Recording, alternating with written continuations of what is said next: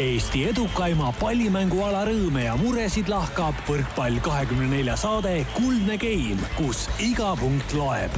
taustajõuna hoiab mängul hoogus ees Kredit kakskümmend neli tere ja kaunist kolmapäeva, kaheksandat septembrit. kuldne Game on nädala selgrooga murdmas ning ühes sellega Eesti võrkpalli rõõme ja muresid taas teiega jagamas. suur spordipidu Tallinnas Euroopa meistrivõistluste D-jalagrupis hakkab vaikselt läbi saama, ent lõppakord meie koondisele pole veel kõlanud.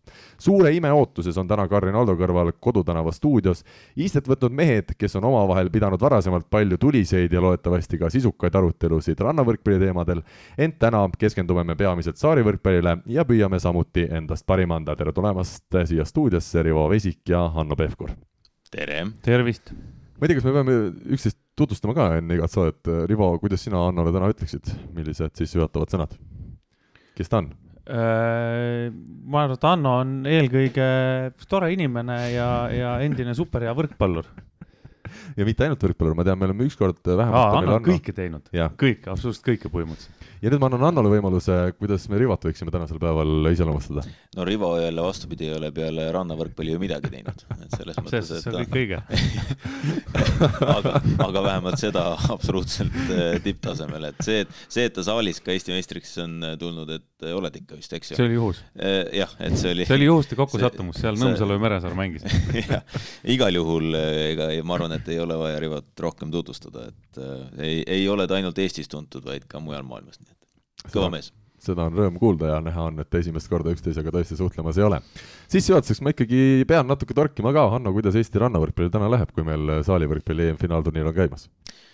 no selles mõttes ma arvan, võib alati vaadata niimoodi pulga kahte otsa, eks ju, et ühest küljest ütleks, et väga viga ei ole, et mis mulle väga meeldib, homme, täna on meil kolmapäev, eks ju, homme on olümpiakomitees tippspordikomisjon, kes vaatab jälle läbi ka eh, meie taotlusi ja seal on meil tegelikult ju kolmel paaril taotlus sees, et, eh, et Kusti Mart loomulikult eh, aga noh, nüüd ka noorte east on ju Dima ja, ja Timo välja kasvanud ja, ja mis tegelikult mulle kõige rohkem rõõmu teeb, et kui ma lugesin neid taotlusi, mida noored on teinud, siis kõige vingema nagu perspektiivi ja visiooniga olid tegelikult Hollas Soomets. et äh, see, see visioon, mille nad on kokku kirjutanud ja noh, Rivo on lubanud neid siin ka natukene aidata, aga et noh, see, et tüdrukud tahavad nagu äh, võtta endale väljamaalt treeneri, eks ju, et äh, ja, ja hakata nagu tõsiselt tegema, et noh, see või veel tõsisemalt, kui nad seni on teinud, ega nad teevad ju praegu ka tõsiselt et äh, ja noh, ega meil on seal ju teisi tüdrukuid veel, kes tulemas on, et aga noh, põhiline ka rannavollega me võime siin ju Rivoga pikalt heiutada, aga see põhiline tegelikult on ikka see küsimus, et äh, kas ja millal äh, klubi tasandil elu lahti läheb, et noh, nüüd see, et meil on kaks akadeemiat pauhti järsku, eks ju, on ju, on ju super, eks ju, et aga noh, see, need viljad arvatavasti võtavad veel natukene aega, et eile rääkisin siin Läti rannavõrkpalli äh, nii-öelda siis alaliidu rannavõrkpalli toimkonna juhiga ja, ja noh, eks need, see, see paistab küll, et Läti on ju ainuke riik, kellel oli nii mehed kui naised olümpial nelja hulgas, aga, aga noh, tundub, et seal sees ka ikkagi üht-teist podiseb kogu aeg, nii et et eks see riigiti on erinev, aga ma noh, julgen arvata, et meil siiski ka rannas on perspektiivi ja noh, kui nüüd see Haabersti hall ka lõpuks äkki ehitusse kunagi läheb, et, et noh, siis on meil Tallinnas juba kolm sisehalli ja siis võib juba rääkida sellest, et tõesti on ka kuskil aastaringselt paar ette valmistada sa mainisid seda taotlust ja, ja meie kolme paremat paari, siis kahte meespaari ja ühte naispaari, aga see ei ole ju sugugi kindel, et ükski neist üldse võiks ka saada seda, et see kõik alles selgub. absoluutselt, no ma eile rääkisin ka olümpiakomitee oma kolleegi asepresident Erich Teegamägiga, kes tippspordikomisjoni juhib ja, ja noh, natukene natukene püüdsin talle seda võrkpallipisikut rohkem ka sisse süstida, et aga noh, Erich on loomulikult kõigega kursis ja, ja, ja loomulikult noh, me peame lootma, et tippspordikomisjonis seda, see, see toetus tuleb.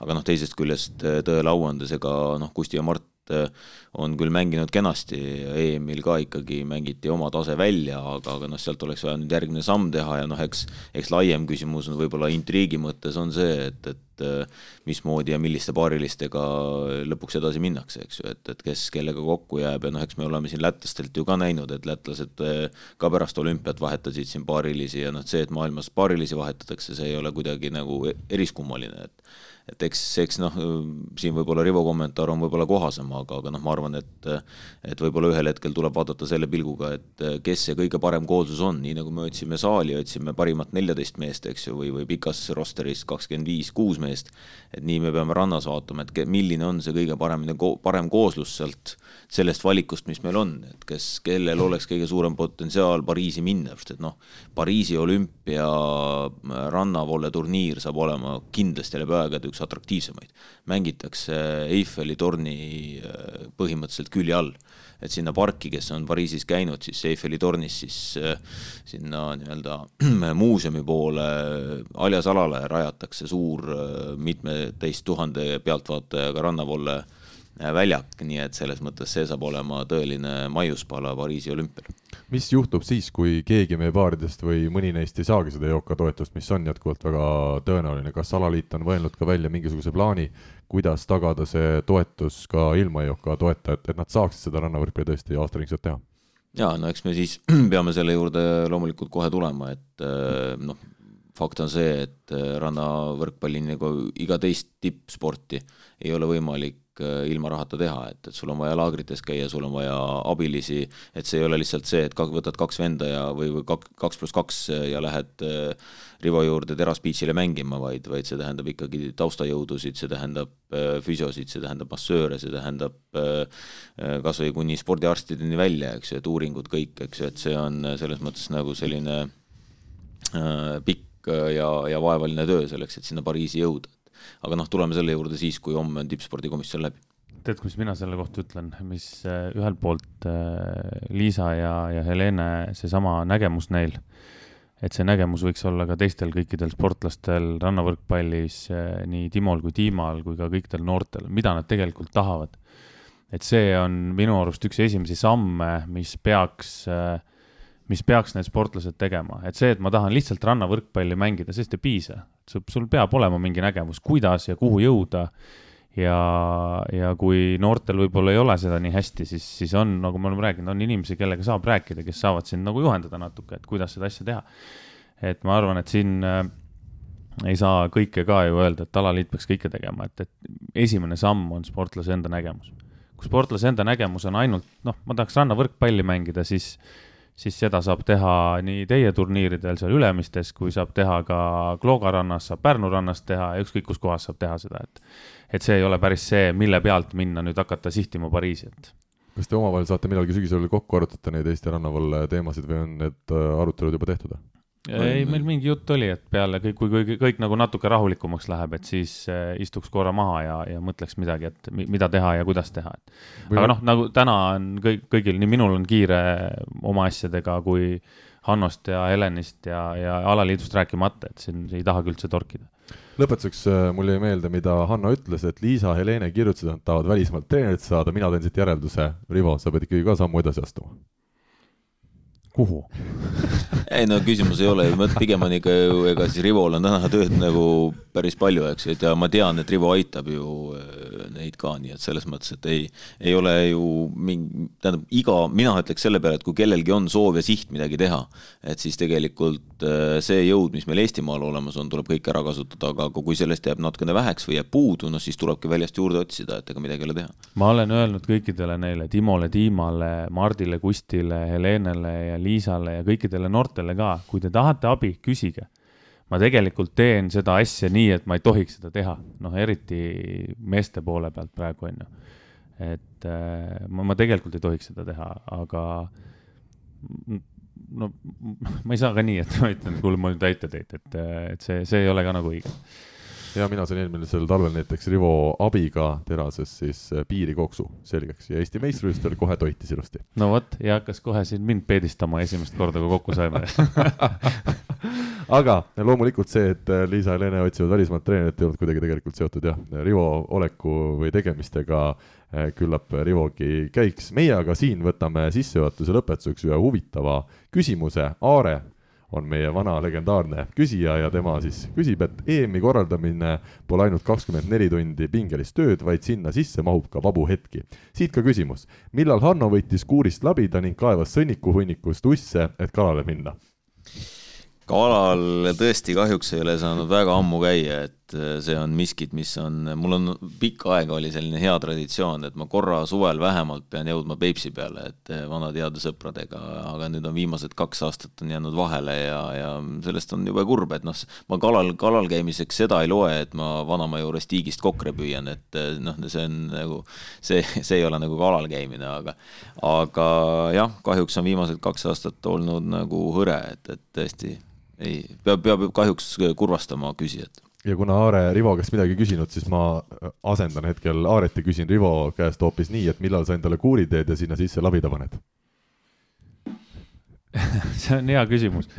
mul on kuur olemas ja isegi labidas on olemas. aga neid pole sealt vist viimased kümme aastat välja võetud. mul on kaevamist niigi palju igal pool mujal, et. tuleb raha. ja kalal on ka, noh, Hanno puhul, kalal äh, me käib ikkagi, kui kalale minna, siis minna võrkudega juba, niisama sinna jõnksutama ei viitsi minna. no vaata, no vaata, aga mina ütleks jälle see, et see võrguga kalal käimine ei ole nagu see kalal käimine, et see on nagu selles mõttes, et noh, et see kalal käimine on ikka siis, kui sa lähed nagu jõe peale lanti viskama või sa lähed tõesti Peipsi peale ja võtad tonka kaasa ja proovid sealt ikkagi nagu tegelikult midagi kätte saada, nii et selles mõttes, et see ja otsid seda kala, eks ju, nii et see on kaks erinevat asja. no ma näen, et teemasid, mida me täna arutada võiks pikemalt, on, on rohkem, õnneks mina ise kalamees ei ole ja ei, ei käi seal ei võrgu ega ilma võrguta, nii et me täna keskendume ikkagi võrkpallile ja võtame ette kohe esimese teema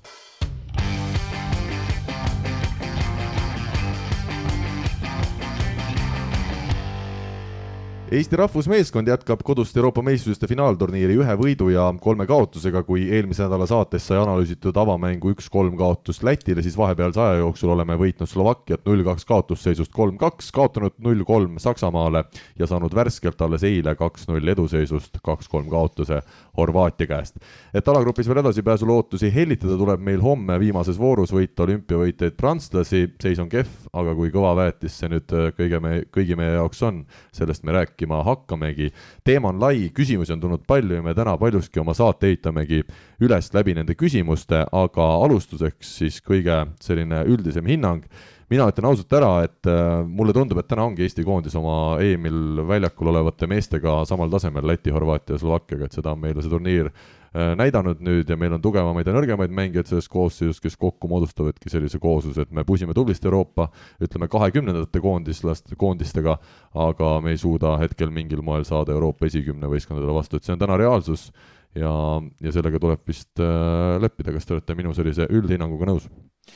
No laias laastus selle hinnanguga loomulikult, et need, kellel, kes meil täna väljakul olid, eks ju, et noh, et äh, on olnud kohutavalt ebaõnne, eks ju, et kui, kui sa ikkagi noh, ma siin olen öelnud varem ka seda, et äh, kui vaadata seda EM-i, et eks ta selline huvitav on olnud ka teistes alagruppides, et Venemaa sai kohe esimeses mängus Türgi käest põske, eks ju, ja, ja kui me vaatame seda, et Venemaal on väljas nii Poletajev kui Mihhailov ehk mõlemad diagonaalid ja mängitakse Kljukaga diagonaalis, et noh, siis võiks ju küsida, et noh, et kas Venemaal rohkem diagonaale nagu võtta ei ole, et aga näed. kusjuures väga hea küsimus, Hanno, see on ka minul oli see küsimus, et, et miks võeti nagu see, selline otsus, et. et no vot, aga eks, et selles mõttes, et see näitab, et kui suurel Venemaal on kaks venda väljas, et nad on haavatavad, siis mõelgem nüüd, et kui väike Eesti ja meil on neli meest väljas, eks ju, et, et siis mida see meile tähendab ja kui noh, sellest neljast mehest äh, üks on äh, kapten ja, ja, ja meeskonna aju ja sidemängija ja, ja teised kolm on ühelt positsioonilt ehk nurgaründajad, et siis äh, noh, selge on see, et me oleme haavatavad.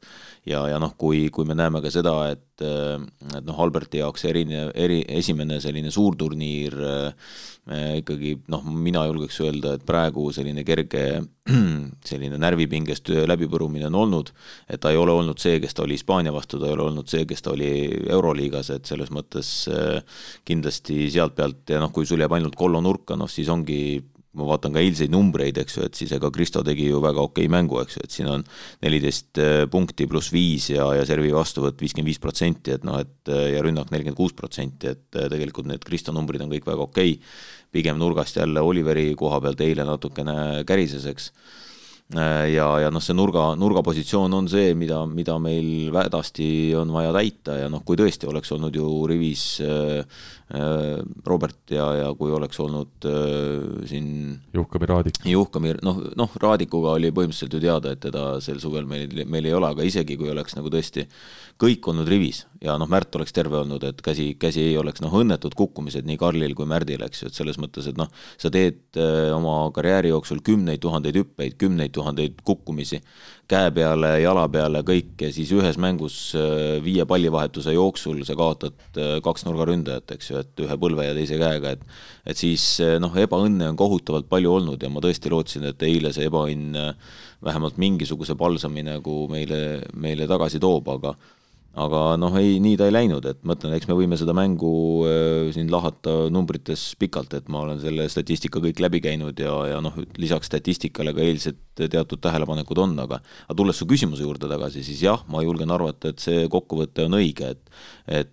selle meeskonnaga me mängisime maksimumi välja, äh, meil on veel tõesti õhkõrn võimalus prantslasi üllatada, aga aga, aga noh, selleks, et prantslasi üllatada, peaks olema, noh, see oleks sama suur üllatus, kui kaks tuhat kaheksa Poola vastu tegime siin Audenteses, eks ju. vaatan veel suurt pilti, enne kui me läheme siin äh, kas või nende eilse Horvaatia mängu numbrite juurde.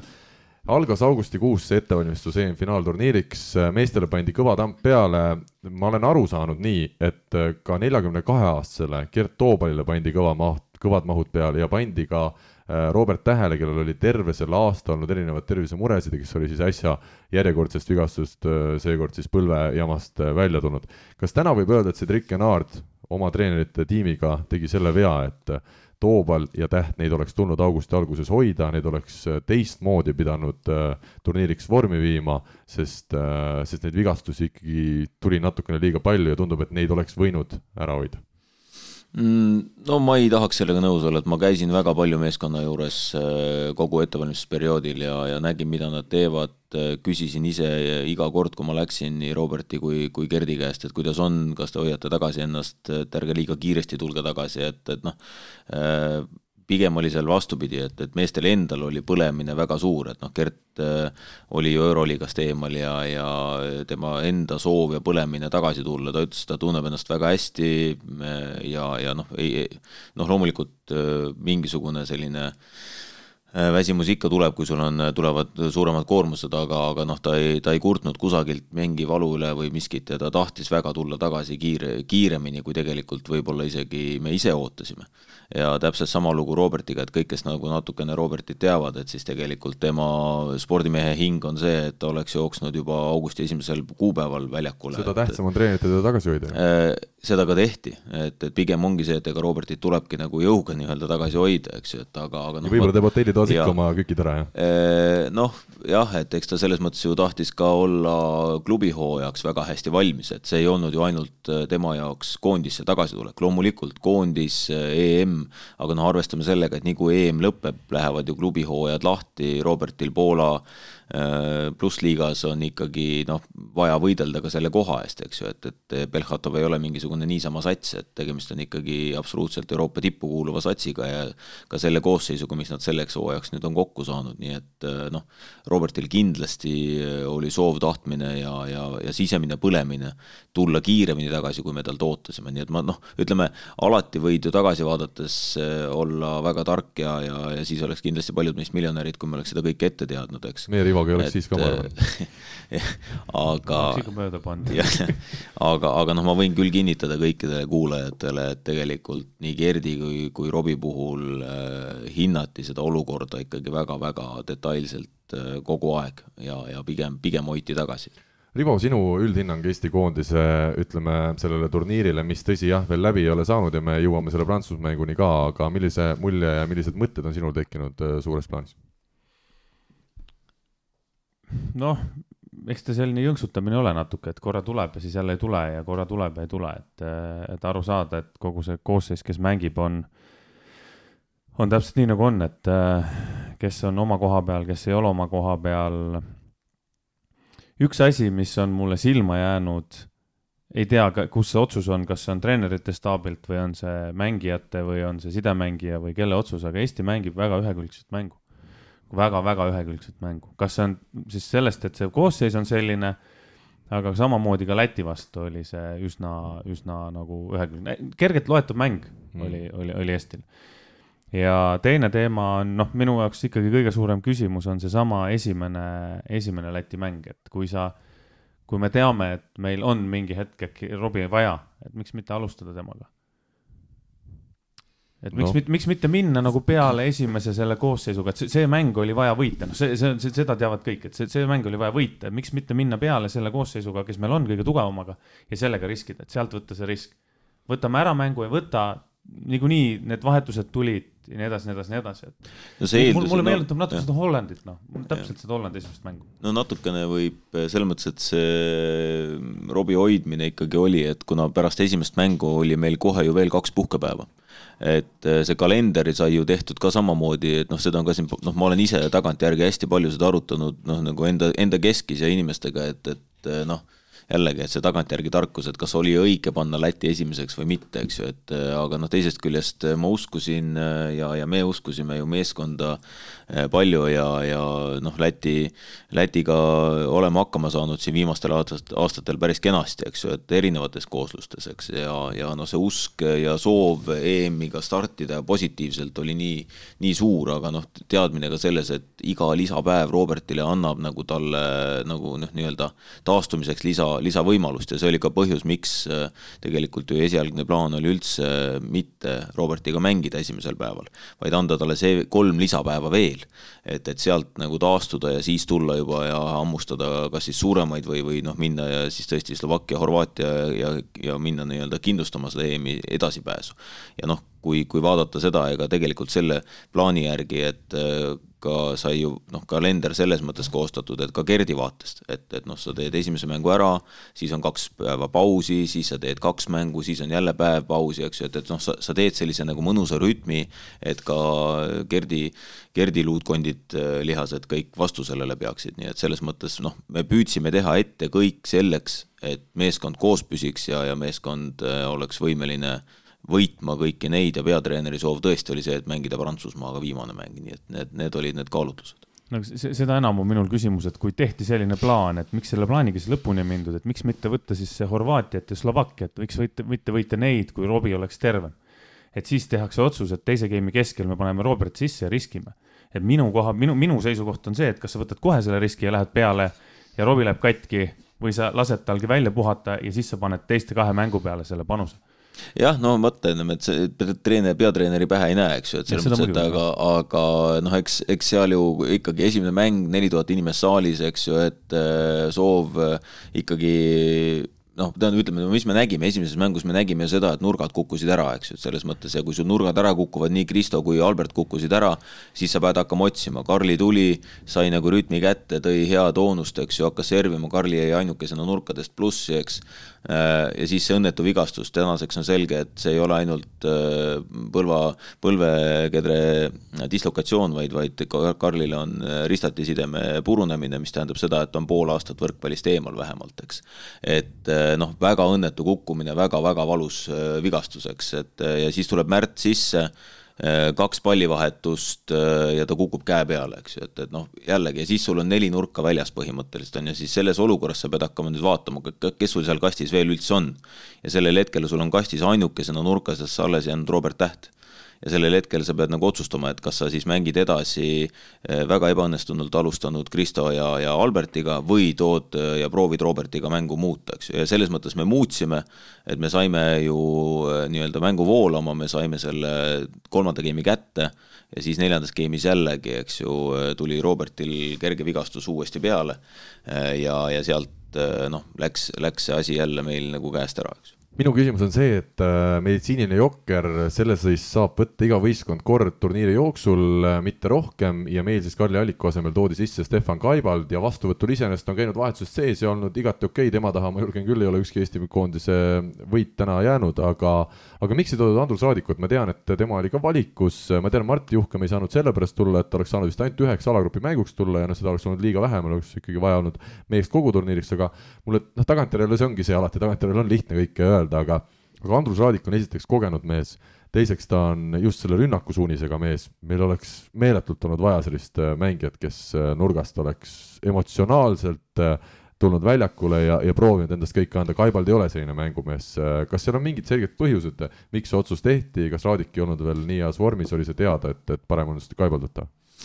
Äh, no jällegi ma pean olema nüüd natukene siin treenerite suuvooder võib-olla, aga, aga noh, mõnevõrra ma nende asjadega kursis olen loomulikult ja, ja noh, eks seal on äh, peamine põhjus on loomulikult see, et noh, et, et esimene valik oleks loomulikult olnud äh, Juhkami.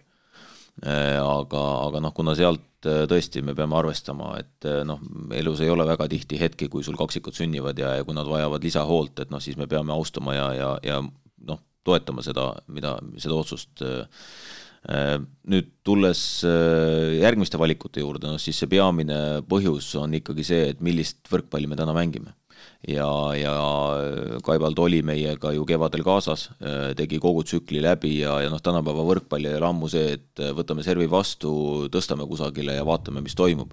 vaid see on ikkagi kindel süsteem, mida me mängime, kuidas me plokki läheme, kus plokk seisab, kus kaitse seisab, ehk see plokkkaitse, mis on tänapäeva võrkpallis ülioluline, et saada pidurdus ja noh, millest, milleni ma arvan, et me jõuame ka selle Eesti-Horvaatia mängu juures et siis eh, seda süsteemi mängida alates vastuvõtust, lõpetades tõesti plokkkaitsega, et eh, et see, seda peab teadma, seda peab tundma, seda käekirja peab tundma, et muidu sa seisad täiesti vale koha peal ja, ja noh, see noh, hea mängija võib-olla õpib kiiresti, aga, aga noh, selge oli ka see ja Kaibald oli olnud töös, Kaibald oli olnud eh, suvi läbi töös, ta oli olnud Saksamaal praegu töös, ehk ta oli valmis liituma ja, ja noh, need olid need valikud, et sa pead tooma ikkagi mängija, kes on valmis selle meeskonnaga kohe, sest et meil ei olnud aega ju veel kuskil kaks päeva või kolm päeva kedagi hakata siin ümber vormima. no samas Raadik ikkagi teab meeskonda väga hästi, ma olen nõus, ta süsteemiga ei ole võib-olla nii hästi kursis, aga võistkond ju tunneb Andrust suurepäraselt.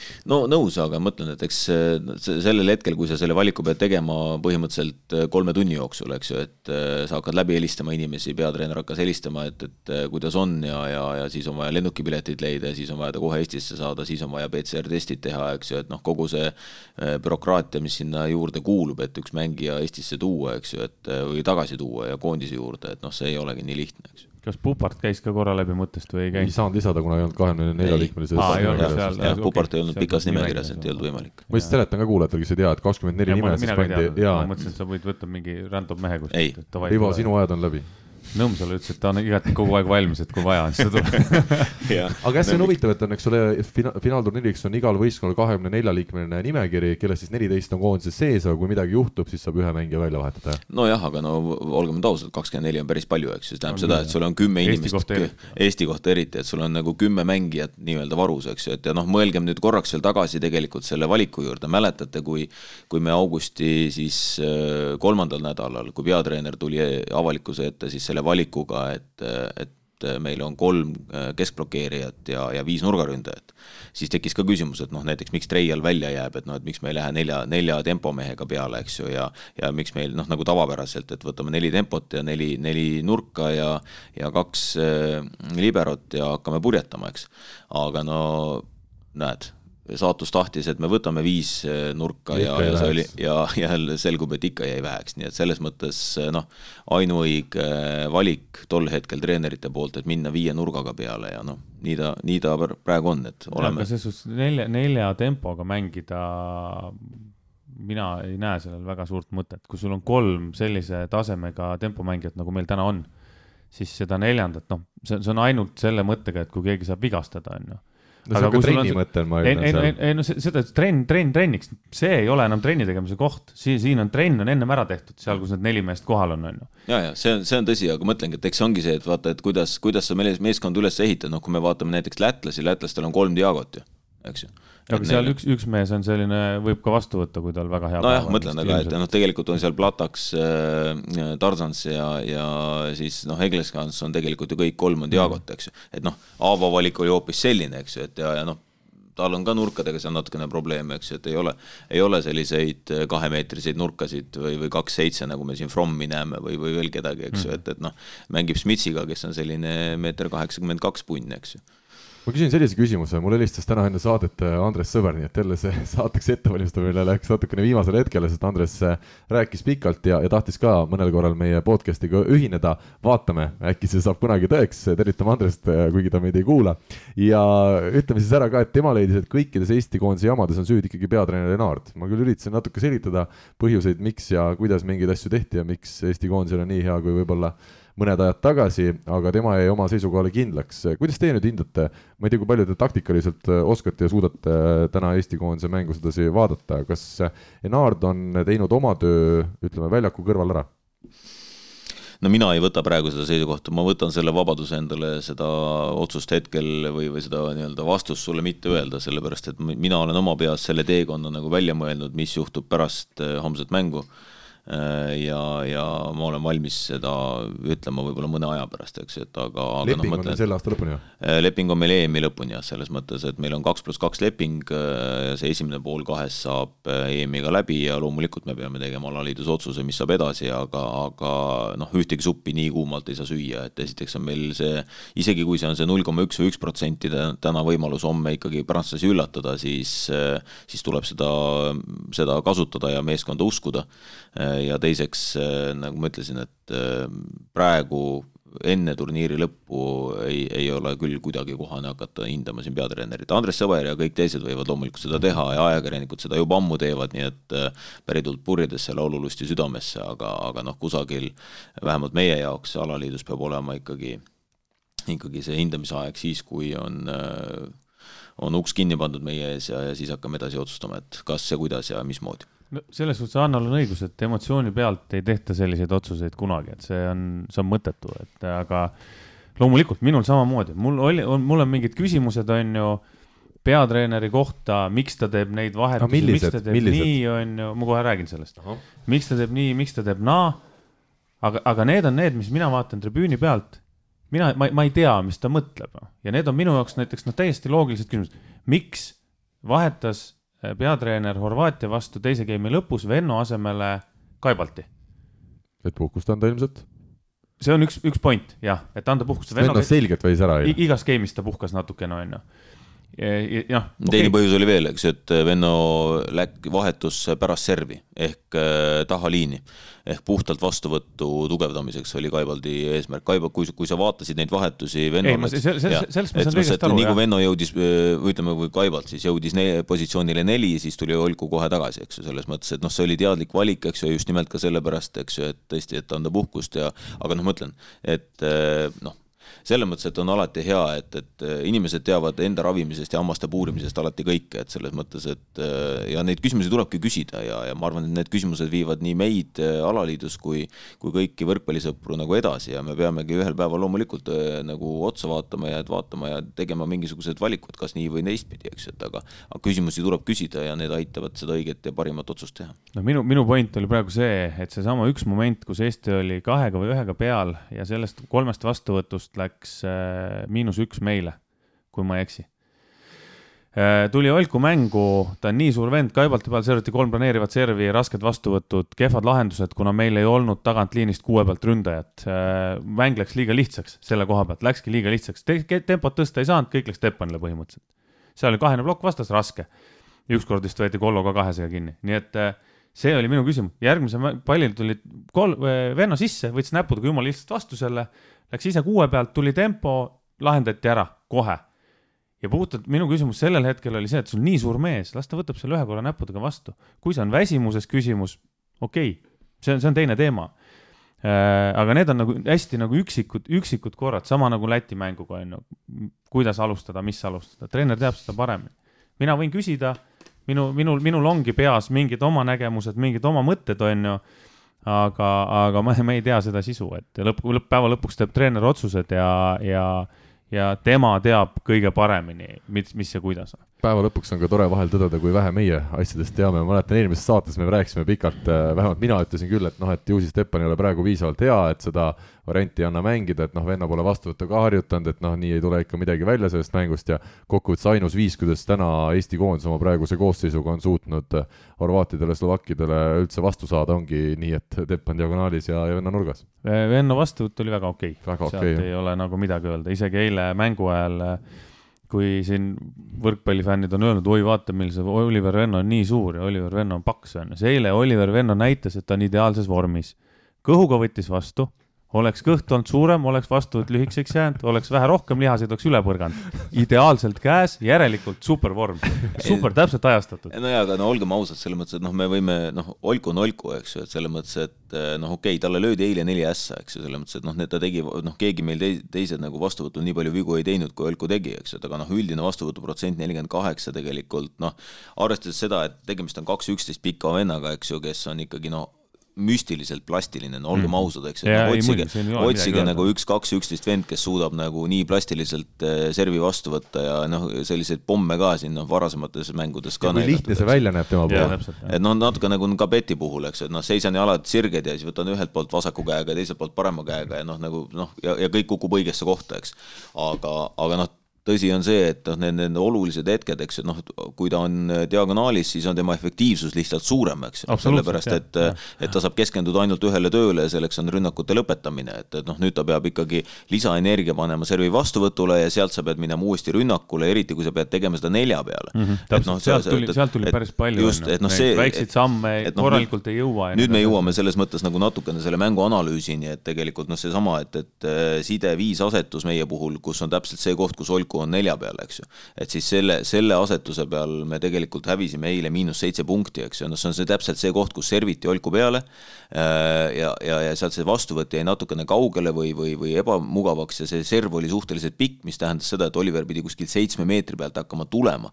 ja kui see pall nüüd tõsta sinna, siis sa ei saagi kiiret sellist äh, superfast'i või, või sellist nagu kiiret tõstet panna, eks, et äh, ja, ja see tähendab, et Olku ei jõua sinna ja see, see pall peabki minema kõrgele, sellest tulenevalt seda lihtsam lugeda vastase plokil ja, ja noh, see, kuhu ma ikkagi julgen väita, meie eilne mäng läks, oligi ikkagi nii-öelda vastaste väga edukas äh, plokipidurdus ehk äh, nad suutsid plokiga pidurdada nii palju, et see pall jäi mängu ühel hetkel me nägime seal, eks ju, et isegi kaameramees löödi pikali, eks ju, ja silm siniseks talle, eks, et aga aga, aga noh, see võitlus oligi selline, eks, et ja, ja horvaatidel tõesti väga palju palle jäi ploki pidurdusest mängu. meil kahjuks mitte, et, et noh, seal Ardo pealt vist isegi noh, mida statistika isegi ei näita, et et ma siin pärast kuulsin, et, et mingi üksteist palli löödi Ardo käte vahelt lihtsalt kuskilt minema, et noh, Ardo ise ka nagu õnnetu, et et noh, lihtsalt oli nii õnnetu päev, et, et ükski ei jäänud sinna pidama, et, et kõik tuli kuskilt ladvast või, või kuskilt oksa küljest minema, eks, et et noh, need on need kohad, kus tegelikult natukene seda mängu ka pärast video pealt üle vaadates saab otsida neid kohti, kus me saame paremaks saada ja, ja kus tegelikult lõpuks Horvaatia võitis, et noh, andke, andkem selle koha peal Horvaatiale au, et et nad tegid eile ülivähe oma vigu. serv oli, nad hakkasid kolmandas game'is lööma kõvemat servi ja sealjuures ei eksinud, eks, nii et selles mõttes, et noh kui ma vaatan punkte kokku, no meie saime kaheksakümmend üks punkti, horvaadid seitsekümmend viis punkti, me saime rohkem punkte kui horvaadid, eks ju.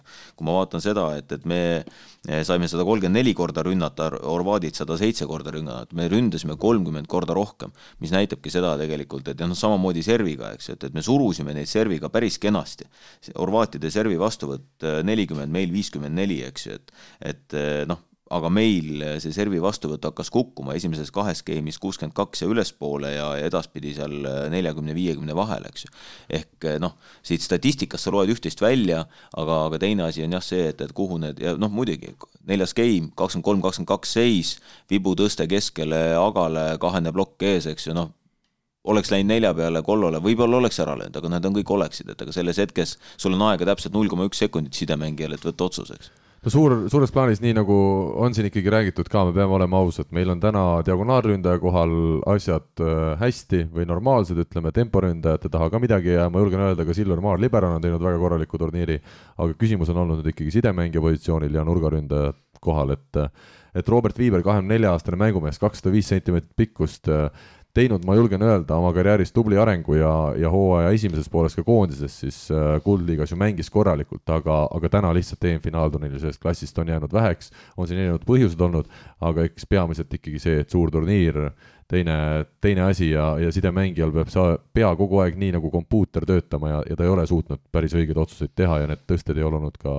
stabiilselt täpsed no nad ei ole ka kunagi ei Rennet ega Vibu pole olnud selles rollis, et äh, noh, see on ja, ja me näeme ka Alberti puhul, kelle jaoks see on esimene turniir, et need, kelle jaoks see on nagu tõsiselt esimene turniir, et noh, tasub ka meenutada, et kui äh, noored äh, eesotsas Roberti ja Renega käisid juuniorid MM-i mängimas, siis ka seal esimestes mängudes Robert ikka põrus nagu korralikult, eks, et noh, keegi seda täna ei mäleta, aga kui natukene Roberti enda käest küsida või, või seda aega meenutada, et noh, siis siis tuleb meelde küll, et oi-oi, et me ootasime jube palju Robert ikka kärssas seal korralikult, et et see, see esimese suurturniiri võlu ja valu tuleb läbi elada, eks, et aga noh, meie õnnetuseks olime me kodus selle turniiriga ja olime selles olukorras, kus meil Gerti ei olnud, eks ju, et eeldus oli ju see, et, et Gert on olemas ja siis on üks nendest, kas siis Renet või, või, või Vibu on siis äh, see, kes tuleb ja vajadusel toob mingisuguse teise käekirja mängu sisse, eks ju, nii et noh, aga nüüd pidid noored ise välja vedama ja, ja noh, ega ma, no nüüd nagu nüüd päris kärssama ka ikka ei läinud, et olgem ausad, et tegelikult lihtsalt noh, sa pead arvestama sellega, et kes sul on ka ründaja arsenalis olemas ja kuhu sa tõsta saad, eks ju, et ja. aga kohe oli näha, kui meil oli vastuvõtt võrgust eemal ka eilses mängus, siis äh, läks kogu see mängujoonis meil nagu lappama. jaa, kindlasti, aga siis ongi ka raskem äh, seda tõstet no, lükata. siis tuleb ka hea sidemäng ja kvaliteetmängu. absoluutselt, ja seda näitas eelkõige esimeses mängus meile Petja ehk siis Deniss Petrovs, eks ju, et, et noh, äh, kui sa ikkagi pead kuskilt äh, põrandalaudade alt selle palli üles tõstma, siis, siis noh, Petja tegi selle töö ära ja, ja väga hästi tegi ära, nii et tõsi, see ongi see tõste kvaliteet ja, ja noh, ründajatel ka mugavam rünnata ja kõik, eks ja, ja ma ei taha ka olla kindlasti liiga kriitiline selles suhtes, et Robert Viiber, tuletame ikkagi meelde, on täna Eesti koondises nendest meestest, kes meil võtta on, lihtsalt parim. ja see parima tase lihtsalt täna ei ole nii kõrge, et, et me saaksime selle küüdini rahul olla. no aga vaatame, mõtleme, vot see on nüüd küll see koht, et kus sidemängijate puhul ma arvan, et see turniir, et kui miskit on meie tulevikuväetis, et noh, siis see turniir nagu sidemängijate poole pealt on ikka väga suur tulevikuväetis, et äh, noh, kui, kui sa saad nagu ikkagi sellise laksu viie tuhande inimese ees mängimisest nagu kätte ja, ja, ja noh, nüüd Äh, selle pealt hakkad edasi purjetama, et, et noh. Just, loodame parimat, jah. siis, siis on, siis on lootust tulevikuks. Äh, nagu ma ütlesin seal eile vist kuskil ka Facebooki laivis, et äh, mul kolme-nelja aasta pärast on need mehed väga okeid, mõlemad. aga teine küsimus oli see, et miks mitte Markus Keel võtta ühe noore asemel? Äh, jah, ega me tõime ju Markuse laagrisse tagasi, eks ju, et aga, aga noh, jällegi pean ütlema, et olin laagri, olin äh, meeskonna juures, vaatasin neid trenne ja, ja midagi ei ole teha, kuna Markuse pallipuudete arv terve suve läbi oli ikkagi nii väike, siis see kvaliteedivahe juba seal, mis seal noh, see, selle lühikese ajaga, mis Markus oli, äh, oli, oli päris tuntav, et tõste puhtus, kõik sellised noh, need on jälle väiksed nüansid, eks ju, et aga, aga noh, vaata sidemängijana, noh, mina oma tagasihoidlikus Rahvaliiga karjääris, eks ju, ka sidemängija, eks ju, et siis, siis sidemängija puhul ikka see puut, puudete arv on ikka ülioluline, et, et noh, nii-öelda repetition, repetition, repetition, et noh, kui su, kui sul ei ole neid puuteid, siis see must puude tuleb sisse ja ebatäpsus läheb väga suureks ja noh, Markuse puhul kahjuks see oli, et ta ikkagi suvi läbi väga töös ei olnud ja, ja seetõttu tema tema nagu kvaliteet selle võrra kannatas. kuule, aga ma küsin siin päris otse ära, ma ei, ma ei ole kursis, kuidas need asjad võib-olla käivad. korvpallis, ma tean, alati räägitakse, et need mehed, kes suvel teevad kolm kuud kõvasti trenni, need on ka järgmisel hooajal head. kas võrkpallis siis ei võiks olla nii, et kui meil on mehed, kes tahavad sidemängijatena areneda, kuulugu nad koondisesse või mitte, nad lähevad ja võtavad omale selle sõbra ja teevad pallisaalis nii palju neid tõsteid, et nad lähevad sügisel oma uue koduklubi juurde ja on seal head, kas, kas see ei käi nii, kas ma, kas ma nagu nõuan natuke liiga palju meestelt? Eks see on äh, igaühe enda südametunnistus, eks ju, ma mäletan ka seda, et kui ma kooli ajal äh, trenn lõppes ja siis äh, noh, natukene veel korvpalli toksisin, eks ju, et, et siis oligi see, et jäid saali ja ladusid sada kolmest veel, eks ju, pärast oli ranne ja käsi oli väga valus, eks ju, et aga, aga noh, mingite nende korduste pealt tulevad need, need kvaliteedid, eks ju et äh, sellepärast tegelikult jah, eks äh, iga mängija, ma noh, ma olen seda alati noortele öelnud, et ükskõik, kes tahab saada Eestis tippmängijaks või vahet pole, kus maailmas, siis sellest, et sa käid trennis ja sellest, et sa teed, sellest on vähe, et sa, kui sa tahad olla hea sidemängija, siis sa oled kodus äh, diivani peal või voodis pikali, võtad selle palli ja lihtsalt tõksid, eks ju, et kas või meetri kõrgusele ja, ja kordused, kordused, kordused, et see, see käe ja palli tunnetus lihtsalt peab tekkima nii-öelda une pealt, paned silmad kinni ja sa tead, kuhu see pall läheb Rivo, küsimus sulle, kes on olnud senisel turniiril, mil Eesti koondis on mänginud neli mängu meie parim? kelle vahelt valid? Äh, kes on olnud kõige parem mängija üldse nagu või? Eesti koondises. no ma arvan, Oliver on, on olnud ikkagi, ikkagi kõige parem, et oma taseme ta on ka nurgas välja mänginud, et siin, siin ma arvan, et ei, ei ole vaidlemiskohta üldse äh, ma arvan, et tempot ka, noh, tempod on jäänud nii varju praegu, pole väga saanud ja, ja seal nende, nende kohta ei saa nagu midagi öelda, noh, Ardo kohta tõesti eile ta lendaski, ta oli väga lähedal kogu aeg. minu jaoks ta jäi hiljaks plokki natukene, aga, aga see on jälle minu mingisugune vaatenurk. et eh, tempode koha pealt ei oska ka nagu midagi öelda, aga, aga Oliver Venno kindlasti jah, on, on täna mänginud välja. Hanno, kas sina oled nõus selle arvamusega või tooksid sa kedagi teist siin esile?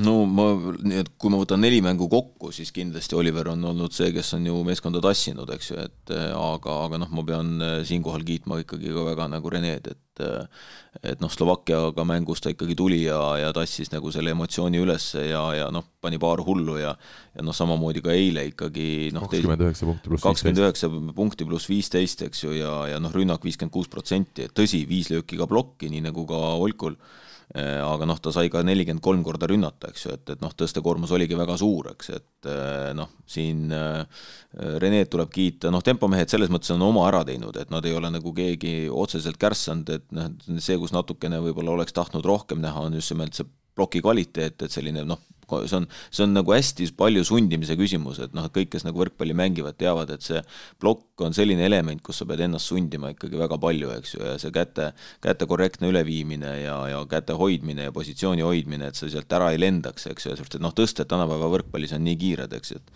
ja, ja noh, mõtlen, et kui, kui siin vaadata veel, eks, et positsioonide mõttes, no teised on teinud nagu sellise nii-öelda Harju keskmise ja oma, oma tavapärase ära, eks ju, et aga jah ma ütleme kokkuvõttes jah, Oliver ja, ja Rene on need, kes tegelikult no kõik, Rene, kõik see, mis ta on saanud ära kasutada, selle ta on ju ära kasutanud, et noh, kui ta siin lõi eile ka sada kakskümmend viis kilomeetrit tunnis servi, eks ju, et noh, siis eh, tehke järgi proovige jalad maas lüüa sada kakskümmend kilti pallile sisse. ma ütleksin äh, Silver Maar ka. jaa, Silver ta, ta, ta, ta ei paista nagu välja ja. väljakul. paistab suhtes. küll, ta on teise särgiga ju vaata. seda küll jaa, aga, aga selles suhtes noh, on raske hinnata, kas Silver on mänginud väga stabiilselt. protsenti. väga-väga hästi mänginud, et. jah, et ega sellepärast ka vastased teda tegelikult ju äh, juba püüavad vältida, eks ju, selles mõttes, et noh, Silver on tõesti väga hea ja mul on äraütlemata kahju, et Silver ei saanud välislepingut, aga noh. Äh, noh, kunagi ei tea, et tõesti EM on hästi mängitud, aga noh, mööngem ka seda, et, et selliseid äh, äh, siin noh, minupikkuseid vendasid on ikkagi maailm täis, eks ju, et kes on väga suurepärase tehnikaga ja kes nii-öelda libero positsioonile võiksid sobida, kuna nad mujal lihtsalt hakkama ei saa, eks ju, tippvõrkpallis. ma just ütlen, et Hanno ei ole kahemeetrine mees. Jah, meeter kaheksakümmend ainult, et aga siiski omal ajal ka pealt surunud korvpallis, nii et ütleme, näpusiru ulatus oli kolme kahekümne peal, nii et väga hull ei ole. aga, aga noh, need ajad on natukene kaugemal, aga noh, tõesti Silverist rääkides, et Silver on olnud väga tubli ja, ja noh, ma ütlen noh, eilne seitsekümmend protsenti, aga noh, vaadates seda, et Kollo peale löödi nelikümmend kaks servi ja Silveri peale kakskümmend kolm servi, eks ju, ja Olku sai samamoodi kakskümmend kolm servi endale, et siis noh, vastased ikkagi hoiavad Silverist eemale me läheme kohe EM-i juttudega edasi, enne aga ütleme ära veel A-alagrupis siis hetkel Serbia, Poola, Ukraina edasipääsu taganud, kolmapäeva siis keskpäeval, mil me seda saadet lindistame, Belgia võib täna muuhulgas välja kukkuda selles alagrupis veel. B-alagrupis Itaalia, Sloveenia ja Tšehhi edasi ning Bulgaarial otsustav mäng Valgevenega ees. C-alagrupis Holland, Türgi, Venemaa ja Soome edasi, nii et seal kõik selge. Ja meie D-alagrupis siis Prantsusmaa ja Saksamaa ainsatena edasi, ülejäänu osas saab siis kõik selgeks täna ja homme, meie aga nüüd siis liigume väikse vahepala juurde kas Eesti murrab Euroopa tipud? võrkpalli Euroopa meistrivõistluste finaalturniiril lüüakse pall maha. kes võidab keda? kas sina oskad ennustada seda? spordiennustus portaalis Pahv. Pahv lööb pahviks no nii, ja ma olen saanud päris palju tagasisidet, Rivo, et see ennustuse värk inimestele meeldib, ükskõik mida sa ennustad, on alati huvitav kuulata. Rivo, ma enne, kui ma tulen sinu seekordsete imeliste pakkumiste juurde, ma ütlen ära ka, et meil siis hetkeseis äh, ennustusrubriigis on selline, et äh, Rivo on meil tõusnud, vabandust, langenud kahesaja neljakümne üheksa euro pealt kahesaja neljakümne peale. me alustasime kõik siis äh, kolm nädalat tagasi kahesaja euro pealt seda, seda võistlemist. Rene Teppan on meil püsima jäänud kakssada seitseteist juba pikemat aega, kuna ei ole saates kaasa saanud lüüa. Alar Rikberg saja seitsmekümne euroga, hetkel viimasel kohal.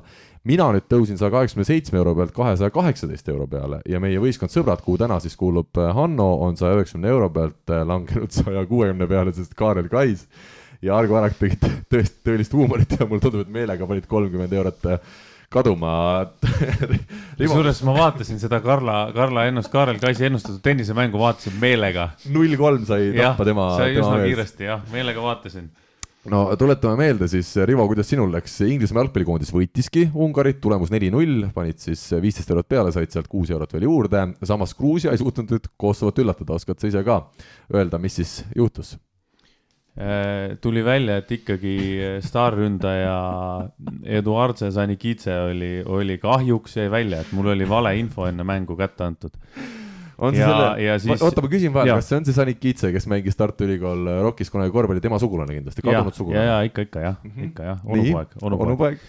ja teine siis, äh, kellest ma rääkisin, kes on Armeenia, tegelikult Armeenia juurtega äh, väravaht, kes, kes ka ei mänginud kahjuks ja tal on kõige armeenialikum nimi maailmas üldse on Jan, Jan, Jan, Jan, Jan, Jan. see ka oli kahjuks ikkagi jäi randmevigastusega välja ja, ja eks, eks sinna ta läks.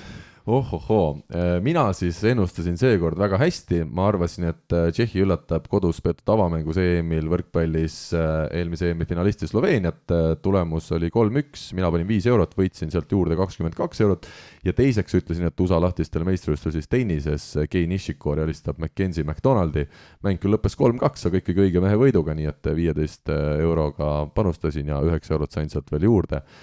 ja huvitav on nüüd see, mida tegid siis jah, need sõbrad, äh, tõesti ka sõna otseses mõttes omavahel sõbrad, Kaarel ja Argo. Kaarel võttis välja vist esimese tennisemängu, mis ta nägi ja pani kõige vähem tõenäolise võitja peale, ehk siis ütles, et Ernesto Escobedo võidab äh, Lloyd Harrist, aga Lloyd Harris purjetas päris kaugele turniiril ja ja mingit võitu seal ei tulnud, null-kolm kaotus ja teine asi, siis Argo Arak uskus, et Rootsi ja Hispaania jalgpallikoondised mängivad viiki. Ja tegelikult päris hea panus, kui vaadata, mis lõpus juhtus, Rootsi võitis selle mängu kaks-üks, nii et äh, üllatus küll, aga ikkagi mitte viik. Ja sõprade saldo siis tõesti sada kuuskümmend.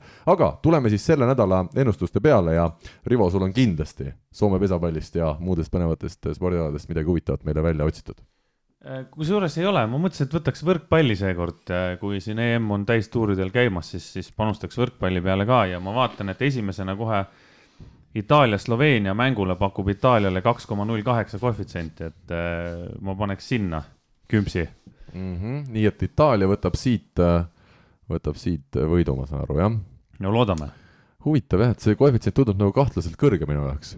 ta on, on jah, kuidagi, kuidagi nii. Aga võib-olla on seal mingi siseinfo, et läheb teise koosseisuga peale või midagi sellist et kumb siis Sloveenia läheb teise koosseisuga peale või? ja teise mängu, mis ma paneksin, ma paneks Kreeka-Portugal, et Kreeka võidab ja paneks sinna siis äh, viisteist eurot ja see koefitsient on kaks koma null kuus.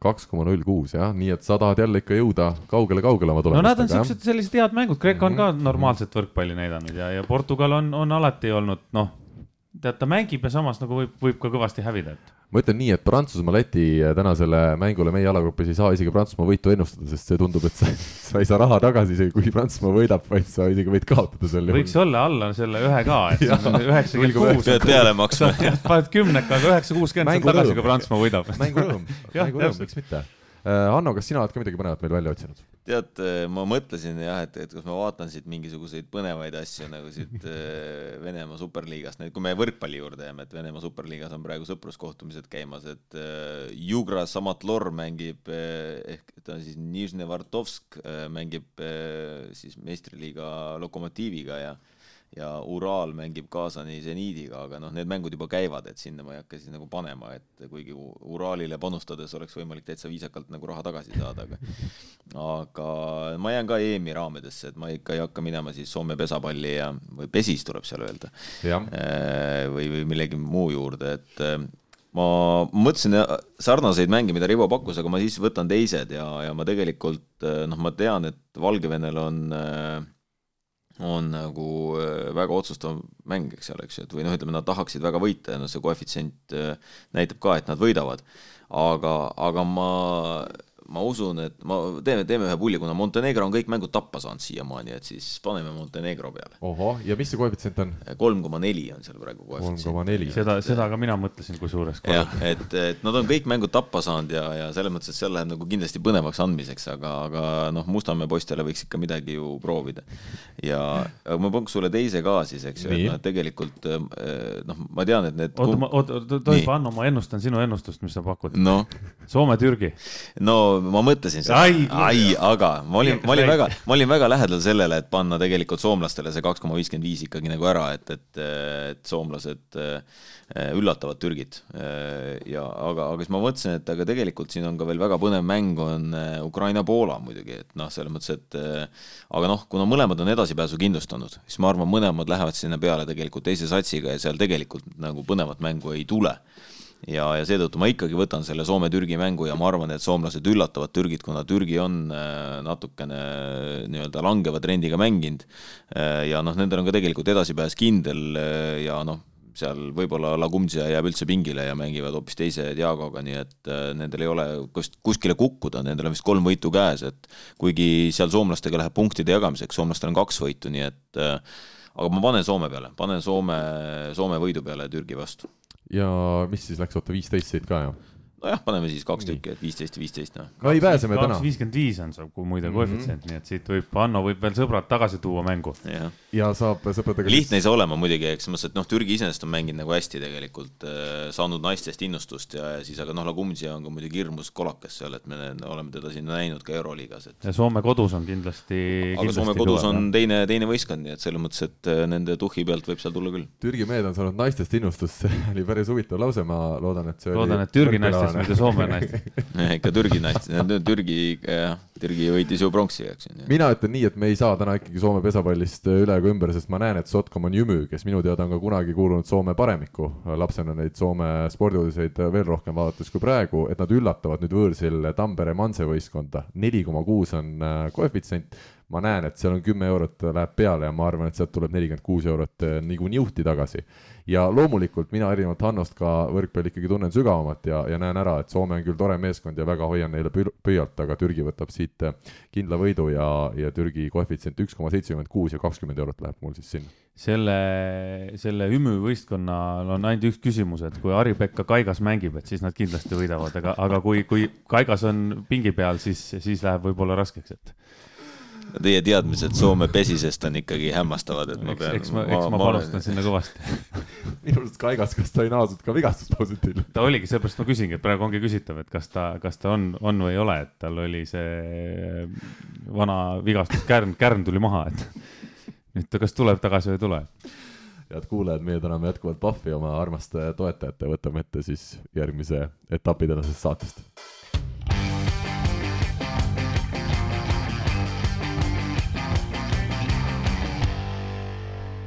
uskumatu, aga tõsi, head kuulajad, äh, oli rõõm avada täna hommikul äh, emaili siis postkast ja vaadata ka Facebooki. meil oli tulnud pea kolmkümmend küsimust kuulajatelt, üks detailsem kui teine.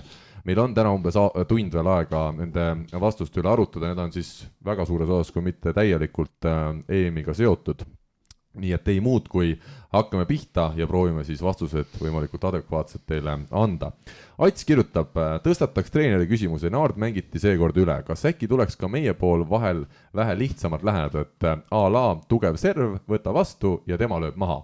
Aavo Keele intervjuust justkui sedasi selgus, see aitaks ehk vaimset ärakukkumist vähendada, jätkuks, kas Eesti järgmine peatreener võiks olla eestlane kes praegu töötab Poolas, on sulgudes pandud, viidates siis äh, Rainer Vassiljevile. no esimene küsimus, et kas lihtsamat mängu, ma ei tea, kui ma ei ole maailma ja Euroopa tippvõrkpalliga nii kursis, kas, kas ja kui palju kasutada seda, et lihtsalt võtame vastu ja tõsta sinna ja löö pall maha? no me eile ju mingil hetkel proovisime seda, et selles mõttes, et kui see, kui keegi võrkpallist midagi jagab äh, ja seda tõsisemalt vaatab, et noh, siis tegelikult ju noh, ega siis vastased lugesid eile samamoodi, eks, et selles mõttes, kui sa, kui sa näed, et sul on rünnakujõud on, äh, on neljas ja ühes, eks ju, et mõned positsioonid ka kahes, eks ju, et, et noh, siis äh, nii juhtub, eks, et see, kui me eile hakkasime varieerima, eelkõige seal teises game'is kohe läks palju lõbusamaks, eks ju, et selles mõttes, et esimeses game'is ka vahepeal, et kui me hakkasime vahele laskma, eks ju, eriti seal aga vahelt äh, sai ja, ja noh, kohe, kohe tekib ruumi, et ja noh, kui vaadata, mis on täna nagu ikkagi meil nagu arengus ikkagi see, mis me peame veel tegema, et noh, et miks me Robertit nii väga taga igatseme, on ikkagi seesama nii-öelda shoot või superfast sinna nurka, eks ju, et selles mõttes, et äh, noh, Rennet suudab seda näiteks väga hästi lasta ja, ja noh, kui nüüd eile ka vaadata, kui keegi vaatas näiteks, et kui palju siis Horvaatia side lasi sellist teravat sinna nelja peale ja, ja miks meil nagu ka plokist ära lendas, siis juhtubki seesama asi, et, et noh, sa, sa jääd plokki hiljaks sa ei jõua käsi korralikult panna ja see tähendab seda, et sa lähed löögisuunda aimama ja, ja siis hakatakse, siis hakkabki see kätest äralöömine tulema, eks. nii et noh, selles mõttes, et tänapäeva võrkpall on ikkagi läinud nii kiireks, et kui te vaatate ka meistrite liigat seal, ma ei tea, ükskõik, et siin Luubet või, või, või Äh, teisi, isegi Saksat, eks ju, et et siis näiteks ka noh, paipi lüüakse niimoodi, et sul ikkagi tempomehe selja taga on juba üleval paip ja, ja noh, põhimõtteliselt noh, nii-öelda rahvaliiga mõistes tõstetakse meeter, aga, aga meistriliigas on või meistrite liigas on see tegelikult paip, eks ju, nii et selles mõttes, et noh, see, see vahe ja see kiirused on nii suured, et noh, see on, on üks riik maailmas, kellist, kes sellist nii-öelda väga lihtsat võrkpalli pikalt harrastas, see oli Venemaa, eks ju, et andke pall kõrgele üles ja sealt eh, siis haamrid tulevad. nüüd Sammelvoo on püüdnud seda Venemaa koondist ka natukene nagu käekirja mõttes muuta ja natukene teravamaks lasta, aga noh, see, kui jällegi, kui te vaatate Brasiiliat, vaatate ka Itaaliat, kuidas ikkagi Gianelli neid palle sinna põrutab, eks ju, et, et noh, siis eh, ikkagi kiire mäng on see, kus see plokk ära lõhutakse. ma olen sellega nõus ka, et Eesti mäng eh, oli, oligi väga lihtne, see on, see on sealt enam lihtsamaks väga, siis, siis tuleb ainult nelja peale tõsta, et eh, no põhimõtteliselt nii on, et, et väga lihtsamaks enam minna ei saa, et paipi kasutatigi vähe, tempot kasutati üsna vähe. nagu Hanno ütles, et nii kui hakati kasutama, läks natukene jooksis see plokk juba laiali, läks vähe lihtsamaks nurkadest.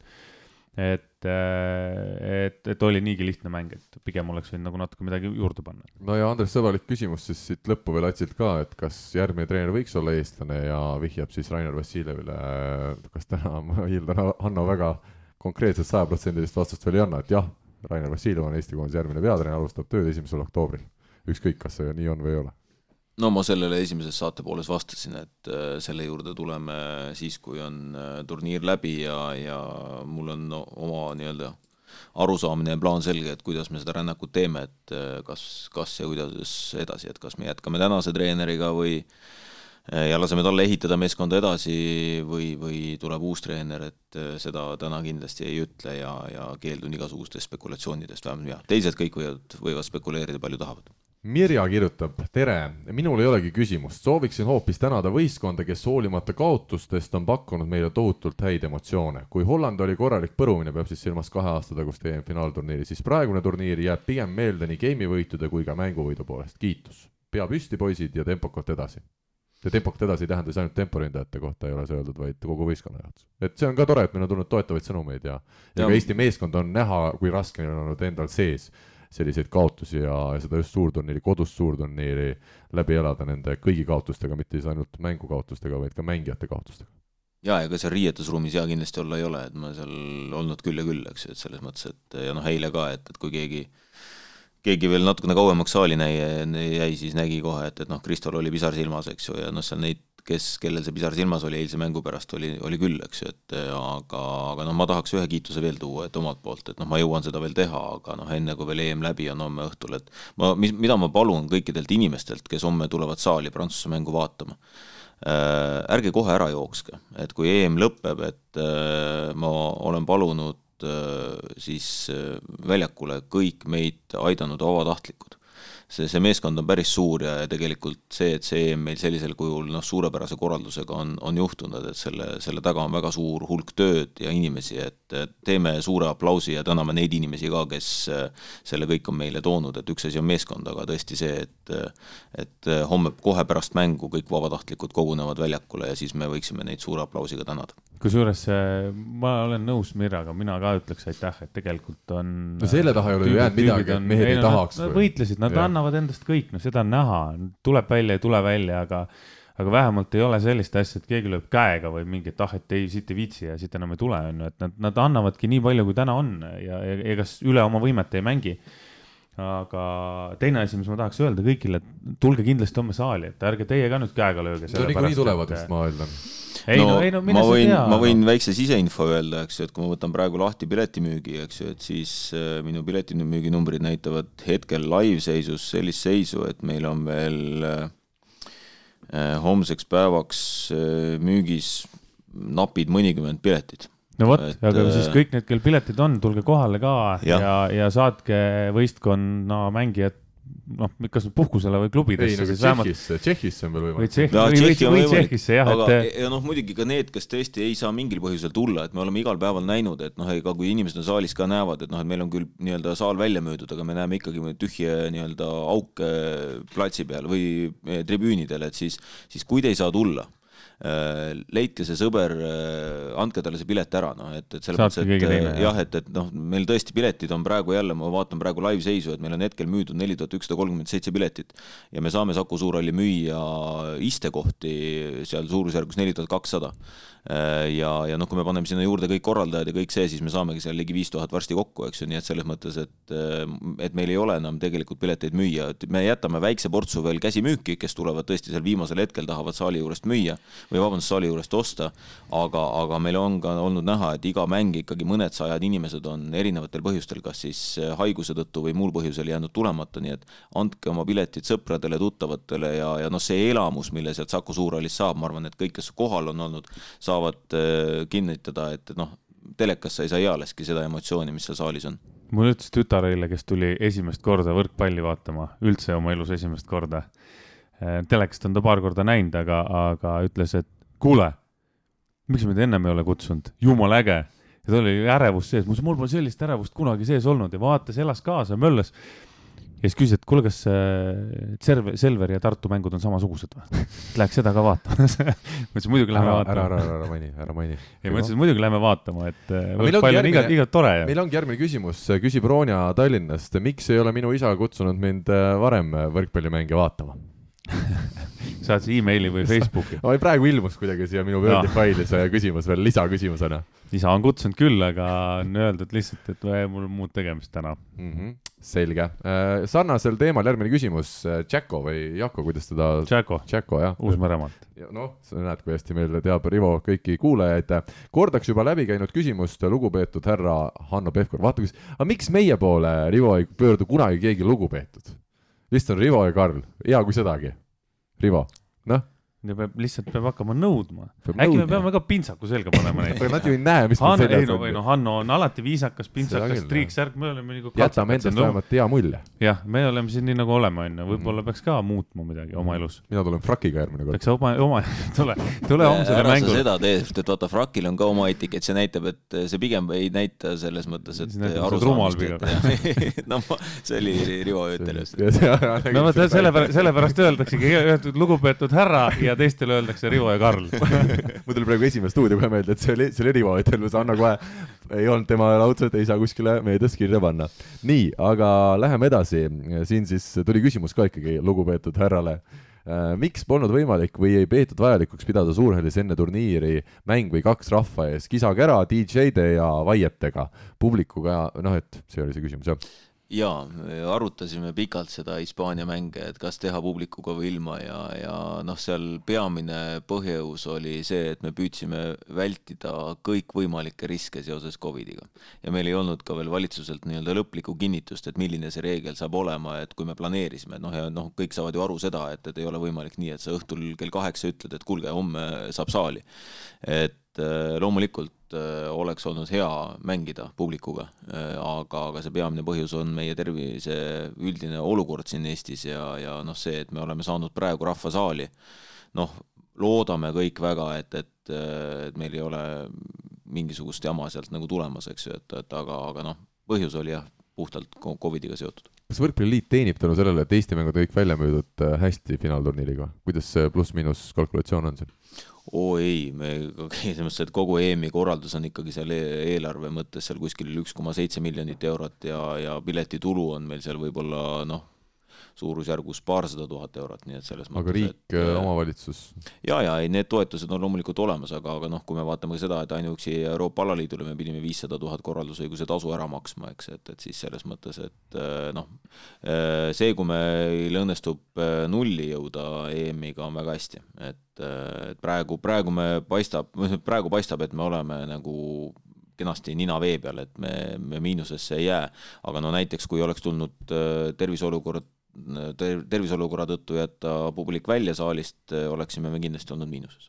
ja selle kohta eile ma arutasin seal ühe, ühe sõbraga kogu selle eelarve asja ja, ja seal on neid kulusid, mida nagu inimesed ei näe, on nii palju neid väikseid kulusid, see sõber ütles, et noh, näiteks needsamad bussid, millega mängijad sõidavad, ühe bussi kleepimine on tonn umbes, tuhat eurot on ju. mis on juba, kui sa võtad kuus bussi, kuus tonni, kuus tuhat eurot.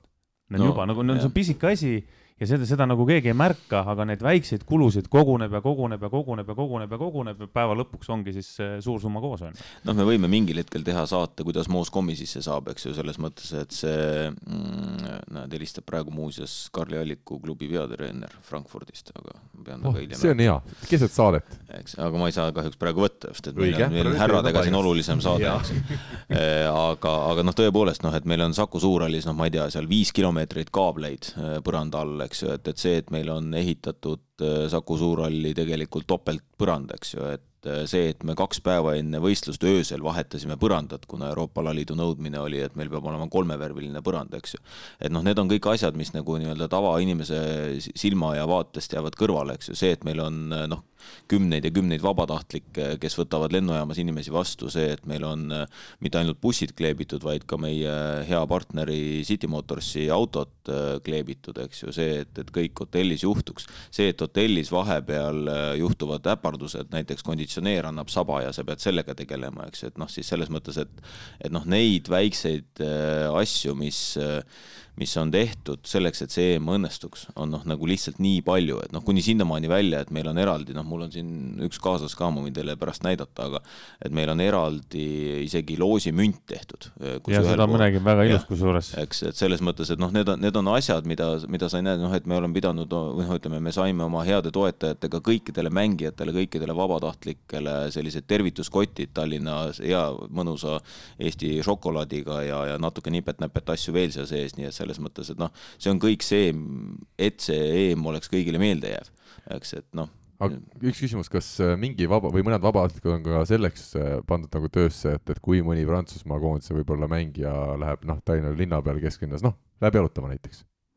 Ja ei jõua viieteist minutiga kohe tagasi, et, et lähevadki vaatama, et millises kohvikus ta parasjagu on sul oleks nagu mingi siseinfo. ei, ei, ei, ei, absoluutselt. Eh, noh, et kui nagu ütlevad klassikud, et kui see juhtub, ei saa seda välistada, eks ju, et, et aga, aga tõepoolest, ega siis eh, noh, me ei ole praegu ju pidanud olema mullirežiimil, kuna sellepärast nagu kuna meil on kõik mängijad testitud, me testime, muuseas jällegi puhas kulu mm, -hmm. me testime kõiki mängijaid, kõiki korraldajaid iga neljakümne kaheksa tunni tagant, eks. et selles mõttes, et see ainuüksi juba see testimise kulu on nagu selline noh, mida, mida sa, millest sa ei saa aru, et noh, sa mõtled, et kust see üks koma seitse miljonit kokku tuleb. Saku Suurel on vaja rentida, äh, hotelli on vaja rentida, toidukulu on meeletu äh, nagu ma ütlesin, kõik see Saku Suurhalli ümberehitamine, seal, kui te Saku Suurhallis vaatate, seal ei ole ühtegi Saku Suurhalli enda valgustust see, kas see on pandud võrkpallimängu spetsiifika tõttu on? jah, seal on kõik on, ei no seal on kasvõi seesama, et see valgus on äh, poole sekundiga täpselt nii valge, nagu ta on, et, et Saku Suurhalli lambid soojenevad kümme minutit, eks. et selles mõttes, et me ei saaks teha seda show'd, mis meil on, videomapping, mis seal kohapeal on, äh, DJ-d, kes on meile appi tulnud Austriast ja Hollandist, eks ju, et selles mõttes, et noh, need on, need on kõik asjad, mis igaüks tõesti tuhat siia, tuhat sinna ja, ja, ja noh, kümned tuhanded ja sajad tuhanded. palju et..., palju teil üldse kokku äh, ütleme, mängijaid, staff'i oota, ma küsin enne ära sellega kõik... viimasega seoses, kas Marko Kiljak on Hollandist või, või sellest eesriigist? Tartust on Marko Kiljak. jaa, et, et härra, härra Rinaldole teadmiseks, et Marko Kiljak on tõesti Eestist, aga, aga noh, näiteks ega, ega ei ole lihtne, noh, kui te vaatate, kui te vaatate sellesama John Stupe tööd nagu, mis ta teeb seal, eks ju, ma arvan, et meil täna Eestis sellist spordi DJ-d nagu või spordi MC-d ei ole. seda et, ma, seda meest ma tean päris pikalt juba. just, no ta ja see mees on, see mees on maailma absoluutne tipp, et kes võrkpalliringkondades ringi on käinud, eks ju, noh, kasvõi kui me olime Rotterdamis Ahoi keskuses, eks ju, mängisime, siis seesama mees mm. oli seal, nii et selles mõttes, et noh, see või, või seesama näiteks video mapping, mis meil on äh, eraldi meie meie jaoks tehtud avashow'le täiesti ainulaadne lahendus meile, eks ju. see, et väljas Saku Suurhallis, kui te õhtuti sealt mööda sõidate, näete seal laservideo lahendusi, eks ju, et siis noh, need me ju võimegi ette jääda lugema, eks ole. küsimus, küsimus oli, palju, palju, kas sa oskad öelda, palju mängijaid, staff'i, vabatahtlikke, kõiki, keda te testite, palju kokku on? umbes äh, kakssada iga jumala neljakümne kaheksa tunni tagant. kokku kokku on ütleme näiteks neid nii-öelda tervituskotte või welcome bag'e me tegime kolmsada mm. -hmm. et aga noh, igapäevaselt on rakkes umbes kakssada inimest. no seda ei toeta siis keegi neid testide tegemist, Confido ise või, või mingi linn või? No Euroopa alaliit andis meile mängijate testimiseks ja, ja Confido on meie hea partner selles mõttes, et on tulnud ka meie fännidele vastu, igapäevaselt Confido test maksab vist suurusjärgus kakskümmend eurot. meie fännidele maksab Confidos testi tegemine, kes tahavad tulla mängule, kes ei, ei oma varasemalt QR-koodi, maksab kümme eurot. Ja, ja kui sa tuled koha peale telki tegema sinna, siis on ta kaksteist eurot, nii et selles mõttes, et Confido on meil hea partner ja nad on tulnud meile väga palju vastu. aga, aga noh, me oleme hoidnud väga jäika joont, et, et saali saali ei saa keegi ilma QR-koodita kuule, aga läheme edasi oma jäikade küsimustega, sellepärast et meil on küsimusi veel omajagu. Riho küsib, tere! mul on küsimus või mõttealgatus seoses toimuva turniiriga. sobiks Pevkurile see küsimus küll, kui jõuab. Äh, veidi ka eelmises saates puudutasite seda teemat. meil toimub siin äge turniir, Euroopa paremad võistkonnad ja mängijad. Postimees on omale kokku ostnud õigused, nagu ma aru saan, aga midagi ei näidata. eilset, äh, see on siis kirjutatud, see email eile, äh, Saksamaa ja Prantsusmaa mängu vaatasin Läti vabalevi kanalist. Sorry, aga minu meelest on piinlik. isegi netis polnud ülekannet kuskil mitte ühtegi piuksu. ma e-, eriti ei oleks tahtnud seda Ellerit kuulata, aga no hääleta oleks hea meelega vaadanud. kuidas see ülekannete süsteem täpselt toimub ja miks on olukord selline? no ei jõua kuidagi saali kõigil päevadel, aga häid mänge tahaks näha ja kõige lihtsam soovitus äh, on see, et äh, mine ole hea eurovolley.tv ja maksa ära neli üheksakümmend või neli üheksakümmend üheksa kuus. inimesed maksavad niigi tuhandesse erinevasse ja, kohta. aga me räägime EM-ist, see on, see on, see on, see on vähem kui ühe Eesti mängu pilet.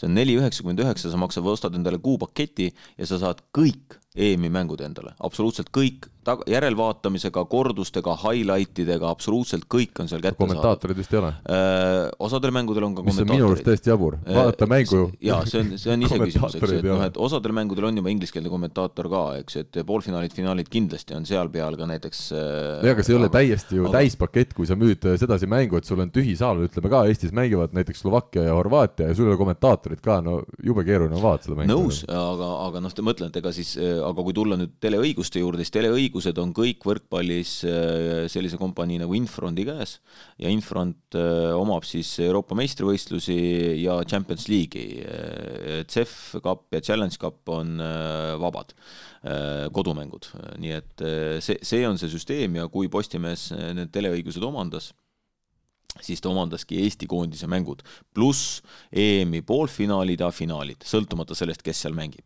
ja sama lugu siis naistega, nii et selles mõttes, et see on see aga Läti vabalevi kanal näitab Saks-, no, Saksamaa ja Prantsusmaa mängu? ma pakun, et nad on siis A, kas selle kusagilt virutanud, äh, mida ei tohi teha, äh, kui Infront sellest teada saab, siis ma arvan, et sellele vabalevi kanalile järgneb nagu korralik sanktsioon, või teine variant, äh, siis nad on Infronti käest selle õiguse ostnud, et nii lihtne see seis ongi, et kõik teleõigused on Infronti käes ja, ja, ja kõik, kes soovivad seda näidata, on see siis Duo viis äh, või noh, nii-öelda Postimees Grupp või, või keegi teine, siis ega siis mäletame, et ka mingil hetkel rallit näitas Eestis mitu kanalit, nii et ei ole välistatud, et mitu kanalit tahab osta. lihtsalt ei kujuta ette, et Eestis toimuks korvpalli näiteks suurturniir Saku Suurhallis, mängivad Hispaania ja Sloveenia, Dontšits tuleb väljakule, viskab nelikümmend viis punkti näiteks, ükski Eesti telekanal ega ükski portaal äh, ei näita seda. aga see on Eesti telekanalite õigus ja võimalus seda osta või mitte osta, nii et äh, selline see Euroopa võrkpalli siis nii-öelda teleõiguste maagia on, et aga Kossus on samamoodi, Fiba Europe on nende õiguste omanik ise ja noh, sealt ta siis neid müüb. kõik algab vist sellest, et korvpalli vastu on lihtsalt ka suurtes mängudes suurem huvi, et äh, no, Prantsusmaa ja Saksamaa mäng. no ongi see, et kas Eesti telekanalid oleksid selle ostnud või mitte, et noh, et see ongi nagu tegelikult ka telekanalite professionaalsuse küsimus, et kas nad soovivad tippmänge näidata või mitte, et see, et me poolfinaali, finaali näitame, fine, aga, aga see, et kui meil on kodus öö, äh, olemas siin ka tõesti näiteks Saksamaa ja, ja Prantsusmaa vaheline mäng, mäng, et noh, kas nad selle õiguse ostavad või mitte. mina väidan, et Postimees oleks selle õiguse väga odavalt kätte saanud, kuna niikuinii on tegelikult ju siin õigused soetatud ja see ühe mängu juurdeostmine ei oleks olnud probleem. pigem on küsimus Postimehe, Postimees Grupi või siis Duo Meedia on ta täna, Duo Meedia juhtide otsuses, kas ja kuidas nad tahavad võrkpalli näidata. palju alaliit selliseid asju saab mõjutada või uurida ja, ja survestada? no alaliit oli tõsises diskussioonis siin, kui need õigused olid Postimees Grupi poolt soetatud ja kui seal Postimees Grupi sisemiselt siis tekkis Duo Meedia ja, ja et kuidas need õigused siis alles jäävad või ei jää ja siis noh, meie huvi oli erakanalit kasutada sellepärast, et tõesti oma toetajatele, kes EM-i aitavad läbi viia ka pakkuda võimalus, et nad on pildis, seepärast et noh, Rahvusringhääling tundis ka huvi, aga noh, kui me oleme Rahvusringhäälingus, siis me peame arvestama sellega, et ma ei saa toetajatele seda reklaamisekundit pakkuda ja see tähendab seda, et mul on eelarves auk, eks ju, et, et ühest küljest tõesti, vaatajaid võib-olla oleks nagu lihtsam haarata, aga teisest küljest see tähendab seda, et, et eelarveliselt on auk. Hmm.. Ats äh, oli see Ats või? ei, see on Riho, kes meil jätkas, teine küsimus või äh, mõttekäik on siis selline äh, üldiselt olen saatejuhiga nõus, et kommenteerida ja teha võiks need, kes asjast midagi teavad ka, aga kuna veidi on tegemist ka äriga, siis seda on vist palju loota. sellest me juba rääkisime eelmises saates, et kommentaatorid valib erakanal ise nii ta on jah, et ega nii nagu sina oma saatekülalised valid ise, nii valab, valib nagu Duo Meedia endal no, need, kes seal kommenteerivad. ja mina lihtsalt ei võta põllumehi siia saatesse rääkima võrkpallist. aga läheme edasi, küsib järgmine inimene, Vidrik Tartust. küsimus eeskätt Karlile. Betsafe teeb jalkalaivi Betsafe'is tehakse siis jalkalaivi, kus on Vara, Kruus ja sõbrad, Kossu laivis on Kruus, sõber ja Endel. kas võrkpalli kahekümne neljale pole tulnud pakkumist või kas pole võimalust teha kuldset game'i Betsafe'iga koostöös kord nädalas koos videoga? Toomas Vara ju ise ka sisimas kõige rohkem võrgumees, video annaks kindlasti palju juurde.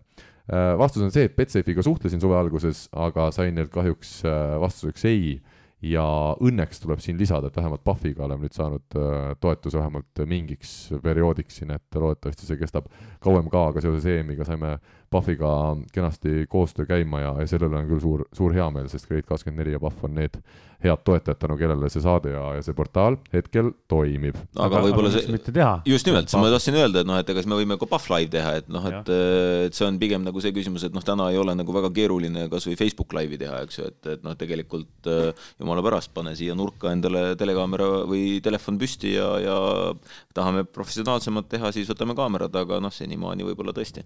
mõtle selle peale, see on siin sinule arendus, eks ju. ja küsin siis ka omalt siis sa pead äkki ka pintsaku selga panema. ja ma kindlasti paneks, siis on kaks küsimust, kes selle kaamera ostab ja kes mulle selle pintsaku ostab, aga üks põhjus veel, miks me oleme teinud seda suhteliselt ikkagi seda saadet nii, nagu me oleme teinud, on see, et ega, et Rivo üldse meil saates osaleda saab, on ju omaette kunst tema väga tihedas ja paljude välisreisidega seotud graafikus, et äh, meil on tihti õnnestunud see saateaeg kokku leppida sõna otseses mõttes viimasel tunnil, et, et kõik ja, saaksid ja tulla. eile, ma ütlen, et me pidime tegelikult lindistama eile, aga, aga ma ajasin oma päevaplaani nii sassi, et äh, millegipärast arvasin, et kell kaks päeval on tegelikult oli kokku lepitud kell kümme, et, et jooksiski kokku, noh, aga siukseid asju juhtub ja mina, noh, selles suhtes ju seda võiks täitsa kaaluda, seda laivi tegemist. aga siis ma pean meikima hakkama hmm sul. muidu nagu ei kannata üldse. muidu ei kannata üldse. sa muidu ei meigi või ah?? sa muidu ei meigi üldse? ei, ma, ma meigin, kui ma kodust välja tulen. ma mõtlesin, kui sa koju jõuad. kodus ma meigin ka, aga samas võib teha ka nii, et minu nägu on otse säbruline. üle keha mul on hea. keegi ei tea, kes sa oled selge, Aare Alba on kirjutanud pika kirja, ma pole seda ausalt öeldes jõudnud veel läbi lugeda, nii et loeme selle koos läbi. hommik, äh, see, et ma küsimusi ei esita, ei tähenda, et ma saadet ei kuulaks. poisid, teil hoitakse silm peal. juba eelmise nädala lõpul tahtsin oma arvamust avaldada, see ei ole seoses tänase kaotatud mänguga. ma ei hakka isegi kusagilt kommentaare lugema, sest äh, muidu lahmijad rikuvad tuju ära aga lühidalt, mida siis arvab üks tavaline tugitoolisportlane? Eesti kvalifitseerub EM-turniirile ilusti, aga siis tuleb vastu järgmine level ja jääme hätta. ja polegi rohkem vaja heietada. oleksid, poleksid, ei maksa krossigi. mängisime nendega, kes olid ja kõik. unustame ära. vaatame parem tuleviku suunas, millal järgmised turniirid on ees ootamas. aga elamuse ma turniirilt sain kätte positiivse loomulikult. kuna olen tööl ja teleka ees ei saa lebotada, siis Vikerraadio aitas hädast välja ja kui mängukommentaatorid Tarmo Tiisel ja Carl Rinaldo olid siis mida paremat veel tahta, kõva sõna. telekast saan mängu järgi vaadata, aga kas raadiomeeste jutu saab ka samal ajal järgi kuulata, vot seda ei tea. lõpetan ruttu ära, sest kõik see jutuvada oma uneajast vabanda juba ette. ei, nii, ei ole midagi, pusime edasi, ütleb Aare lõpuks, super. täname Aaret, on näha, et Aare on jätkuvalt vormis, ilusat sügist sulle ja loodetavasti liigud õiges suunas ja Kaspar küsib järgmise küsimuse, nüüd on Kaspar Lillmaa, kuna siin on erinevaid Kaspareid, siis ütleme perekonnanime ka. tänud hea podcast'i eest. puhas teoreetiline küsimus, et kas ja kuidas saab turniiri käigus noortele sidedele enesekindlust süstida? kas pigem peaks, võiks need sõnumid ja näpunäited tulla treeneri pingilt või siis peaksid kogemustega mängijad suutma kuidagi toetada ning vajadusel ka oma mängu kohandada? ilmselt äh, vastus on see, et mõlemad variandid võiksid olla käigus no kõik, mis aitab äh, kogemuse kasvatamisele kaasa, on, on abiks ja, ja noh, ütleme, kui tulla meeskonna juurde, siis noh, kõigile oli võib-olla väike üllatus, et treenerite pingilt leidis pintsakus Gert Toobali. aga see oli just see põhjus, miks me Gerdi palusime ja miks oli peatreeneril soov äh, Gert tuua meeskonna juurde tagasi, vaatamata sellele, et ta põlveoperatsioonist taastub. et äh, ja, ja noh ma julgen täna siin ka selle välja öelda, et näiteks eile õhtuse meeskonna siis viimase nii-öelda motivatsioonikõne enne mängu pidas just nimelt Gert. nii et äh, eks me, me püüame kasutada meeskonnasiseselt ka kõiki neid võimalusi, et äh, noortesse poistesse uskuda või usku süstida ja, ja et nendel see enesekindlus kasvaks. vaata Saksamaa võistkonda praegu äh,. Gröser on, on kaasas nii diagonaalründajana kui ka Weberi siis poolisikliku treenerina jah, et mentorina jah, et alati kogu aeg Weber mängib iga game'i vahel, ta räägib mingeid asju, seletab talle, kuidas mida teha, on ju, ja nii, nii edasi, nii edasi, nii edasi, noh, et ta, ma saan aru, et Saksamaa, Saksamaa tegelikult mängibki nii, et nad tahaks mängitada rohkem Weberit, kuna kuna ta on ikkagi tulevikumees ja, ja Gröser ju lõpetab peale igat EM-i korra ära ja siis, siis tuleb jälle tagasi, kui treener helistab. Ja kui naine lubab, et, äh, et see on, see on üks osa, mis, mis võiks nagu võistkonnas olla. ja noh, eks see on ka ju üks põhjus, miks näiteks Rait tuli tagasi, eks ju, selles mõttes, et noh, me sellisel turniiril noh, jällegi noh, minu arust nagu ilmekas näide, et, et mis, et Euroopa kuldliiga on äh, kõva sari, okei okay,, kuus Euroopa parimat on maailmaliigas ära, eks ju, ja, ja või isegi kaheksa praegu. kaheksa Euroopa parimat on maailmaliigas ära, aga, aga noh, kõik ülejäänud on ju siin, Ukraina, Belgia, Tšehhi, kõik on ju Euroopa kuldliigas olemas, eks. ja, ja seal me jõudsime Final Fouri, eks ju, ja, ja mängisime seal täitsa edukalt, eks ju, et noh, lihtsalt jälle see Türgi vastu noh, natuke eilne mäng meenutas mulle sedasama kuldliiga poolfinaali Türgi vastu, kus kaks-null oleme ees ja siis lõpuks äh, andsime ära. aga, aga noh see ongi see põhjus, et, et Euroopa kuldliiga, kõva sari, kõik on hästi, aga see ei ole EM. et samamoodi, et kui sa võtad nagu, vahet pole, kettaheitja, võtad tõkkejooksja, kelle iganes, kõikidel teematliiga etappidel põrutad nii, et vähe ei ole, lähed olümpiale ja, ja see on teine võistlus. ja meil on EM-i ja MM-iga selles mõttes seesama lugu. see on täpselt sama nagu rannavõrkpallis, MK-etapid, sul on täpselt samad mehed, kogu aeg sa mängid, see on samade inimeste vastu. ja siis on tiitlivõistlused, kus lihtsalt nendest meestest keegi hävib, kuna ta ei, lihtsalt ei pea vastu psühholoogiliselt, ongi kõik hmm.. Läheme edasi, Kaspar Pomerants nüüd küsib, äh, mis on see element või asi, millega Eesti koondis on Euroopa või maailma tipule kõige lähemal ja mis on see, mis meid eristab kõige tugevamatest? selline äh, küsimus siin saab nüüd küll arutada ja mõelda, milles on siis Eesti koondis. siin võime me võtta siis Eesti koondis, kes meil täna on EM-finaalturniiril mängimas, või me võtame selle koondise, kes meil ideaalis võiks olla praegu koos, et äh, kuidas, kas kohe tuleb midagi mõttesse?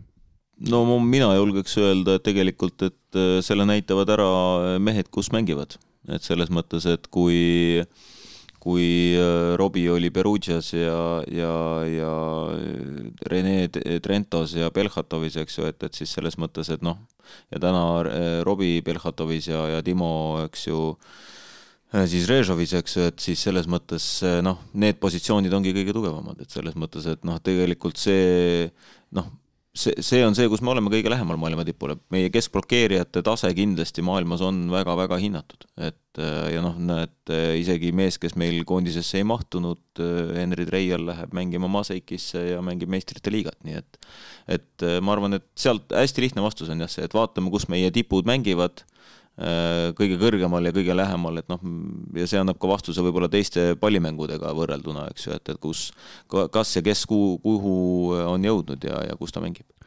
tead, mina ütleks selle, kui ma vaatan seda turniiri ja neid mehi, kes siin nimekirjas on äh,, ma nüüd ilmselt saan äh, kõikidelt, kõik võrkpallisõbrad kustutavad mind Facebookist igalt poolt ära, aga üks asi, mis on silma jäänud, kus me oleme tegelikult lähedale, on serv mm, -hmm. sest meil oli, meil on väljakul, kui me paneks siia juurde veel äh, Robert Tähe, siis meil on väljakul praktiliselt neli-viis meest, kes löövad väga tugevat hüpet servi. Viiber, eile ladus nagu vana mees seal hüppelt no servi. väga tugeva nüüd päris ei ole. Viiber lõi väga head servi, väga see head oli väga stabiilne, ta lõi kui, tugevat kui, kui servi me. võtame täna Eesti koondise stabiilsuse, selles mõttes siis kindlasti Robert on, siis Viiber antud juhul on, on üks stabiilsema ei, serviga ma olen nõus, stabiilselt tugev serv, aga mitte. aga, aga see, see ei ta peagi on- olema väga tugev. kui ta nüüd ja sa ise ütlesid väga tugev. jaa, aga vaata, aga va- vaata, nüüd ma toon sulle Saksa-Prantsuse mängu, eks ju, et selles mõttes, et kui sa võtad nagu äh, mm, või see oli Saksa-Läti mäng või kus see oli, kus, kus tuli äh, vahetuses sisse üks vend Karlitš, Äh, Karlitšek oli eraldi, tema on selles mõttes, et meeter üheksakümne juures see, et Karlitšek lööb nagu sellist servi, no õppige noh, vaadake palun seda, selle venna servi ja no tasub õppida. aga seal oli üks vend, kes tuli, ei see on ikka prantslastel, prantslastel tuli sisse üks vend äh, Kes viie vahetusest, peale piiri kogu aeg servi ühte ja kohta, ju., ja, ja ladus lihtsalt Ja. tuimalt kolm ässa järjest. eks ju, et selles mõttes, et sa ei peagi lööma nagu mingi sada kolmkümmend kilti tunnis kogu aeg, aga, aga kui sa suudad lüüa teravalt ja täpselt, ülikõva.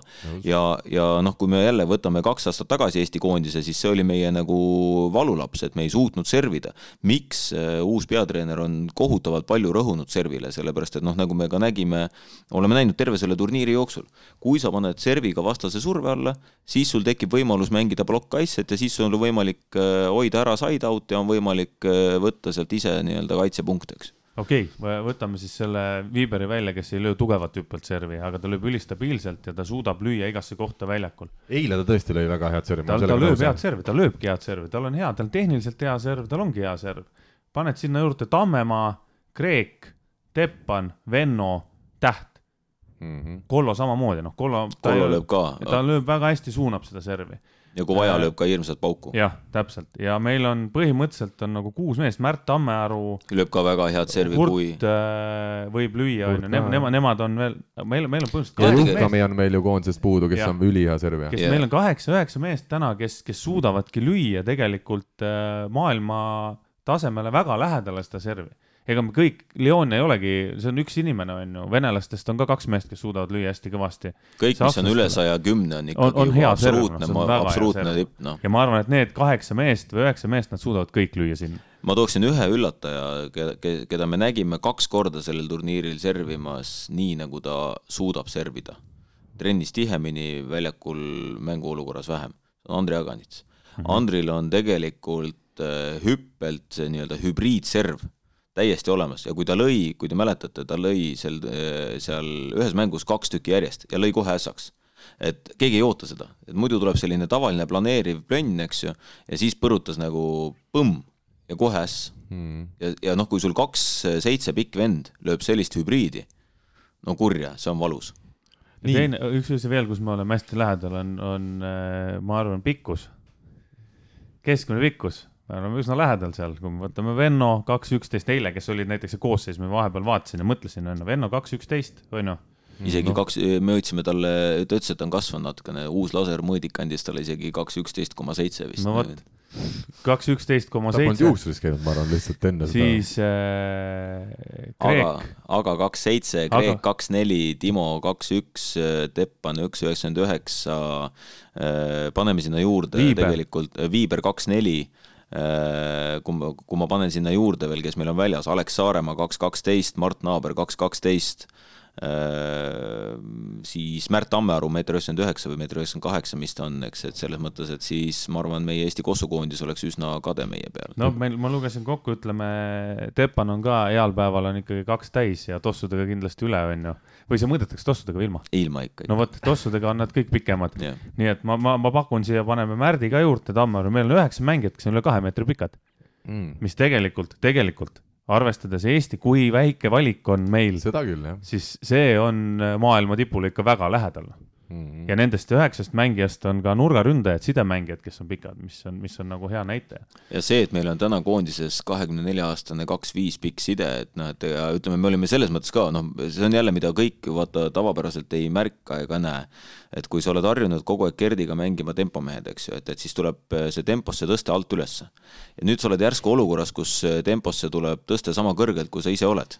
et eh, see on, see on hoopis teine olukord ja ka eile me mitu korda nägime, kui vibu tegi الطلياني ise, siis ta lihtsalt tegi selle nii kõrgelt ja ühe korra nad läksid seal võrgu peal nagu kellegiga pus-, pusklema ja ta lihtsalt oli kõrgemal ja ta tõstis üle selle palli sealt, eks.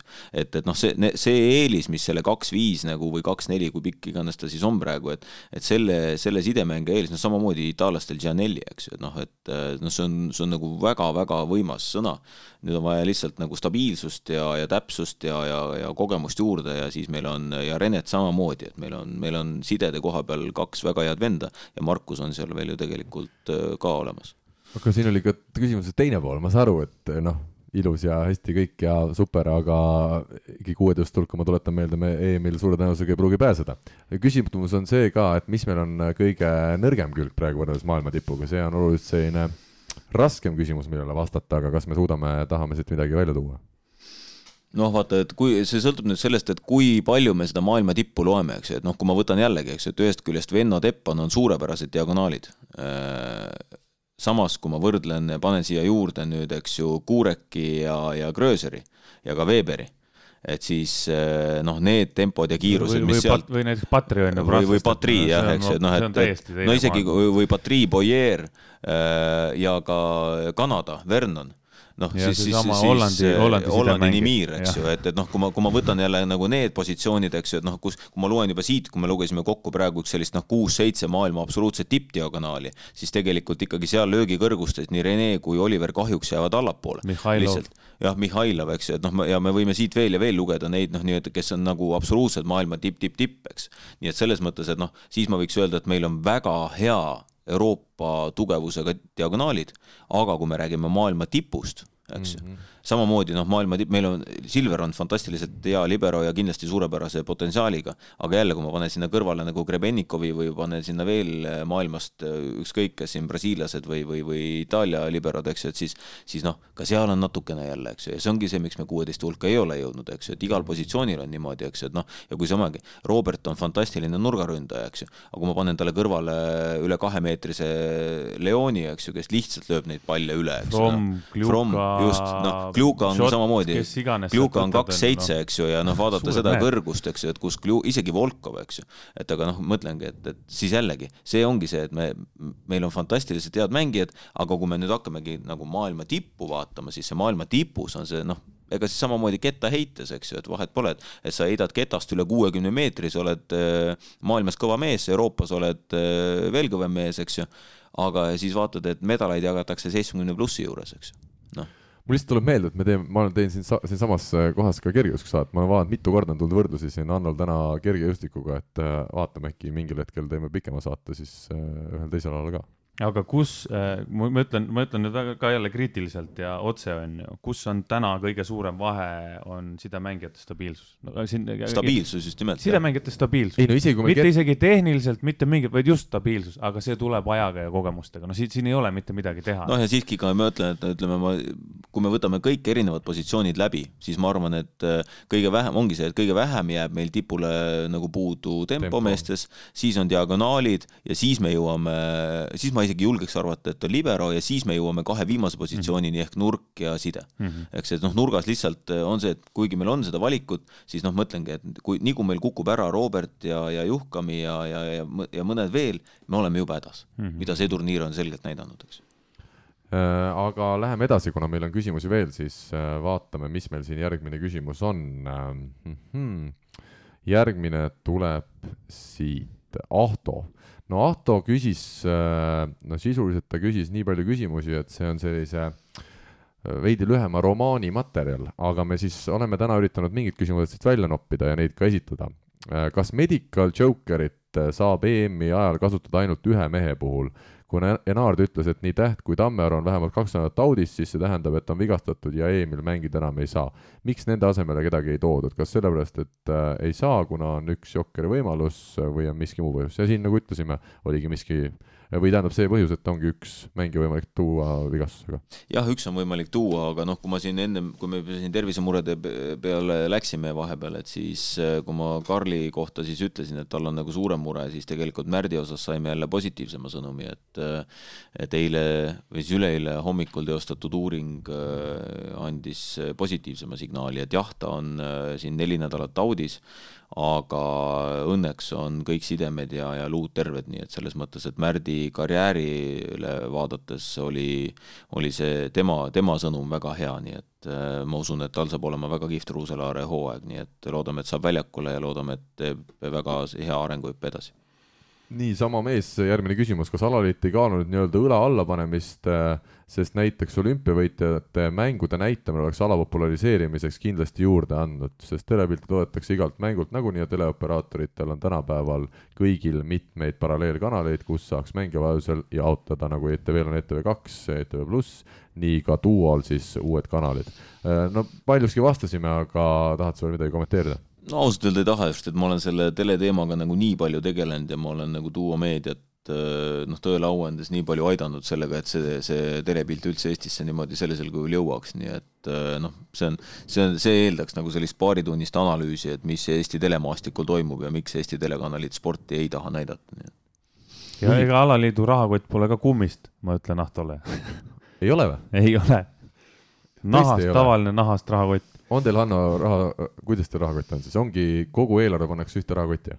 no meil ei ole rahakotti üldse, selles mõttes on oh. nagu jah, et meil on ainult äh, üks plastikkaart, et ja püüame sellega läbi ajada, et ja, ja siis ligipääs panka, et kus saab teha siis ülekandeid, aga. ei no selles suhtes, see, see, see oli pool naljaga tehtud, aga, aga see point, point on nagu olemas, et sa ei suuda kõiki asju osta, isegi kui tahaks see, kui tahaks ju tegelikult ju tahaks kõiki mänge näidata ja kõiki asju näidata, on ju, aga see lihtsalt, see ei ole lihtsalt võimalik. aga noh, tõele au andes ongi see, et äh, kui, kui nüüd võtta see, et, et sul on neli üheksakümmend üheksa on nagu kuumaks, kuumaks on ju, et kui sa võtad näiteks EM-il on äh, siin noh, sadu mänge, eks ju, sajad mängud, naised ja mehed kokku, eks ju, et me räägime vist kokku, palju meil on siis ühes alagrupis on viisteist mängu, eks ju meil on, on äh, siis alagrupi turniir. alagrupi turniir on kuuskümmend pluss äh, veerand, ütleme, me räägime suurusjärgus siis paarisajast mängust, eks ju. üks turniir, ma sain praegu kokku, seitsekümmend viis mängu üks turniir. ütleme no, nii, jah. eks ju, noh, eks ju, noh, sada viiskümmend mängu ja sada, saja viiekümne mängu, sada viiskümmend mängu mängitakse ära kuu ajaga, eks ju. ja sada viiskümmend mängu on sul võimalik saada siis viie euroga, eks, ehk noh, teeme lihtsa arvutuse, eks ju, et palju siis see mängu hind tuleb. jaa, aga ma olen nõus sellega, mina olen täiesti nõus sellega, mul on ka eurovolley olemas ja vaatan seal vahelt mänge, aga siin on küsimus, ma saan aru eelkõige keskmisest äh, spordisõbrast, kes tahaks võib-olla hakata võrkpallifänniks, aga ta ei ole, ta ei teagi, et niisugune asi nagu Eurovolle on olemas. ja sellepärast tulebki, kui sa oled keskmine volle fänn, siis esimese asjana tuledki korraks äh, vaata, kõigepealt vaatad Eesti enda mängu ära ja siis tuled saali, saad selle pisiku külge, eks ju. eile oli saalis väga palju inimesi, kes olid esimest korda võrkpallimängul ja, ja, ja igaüks tuli ja noh, ütleme mulle tulid siin väga paljud eile juurde ja ütlesid, et vau wow,, sihuke emotsioon, et telekast ei saa kunagi seda, eks.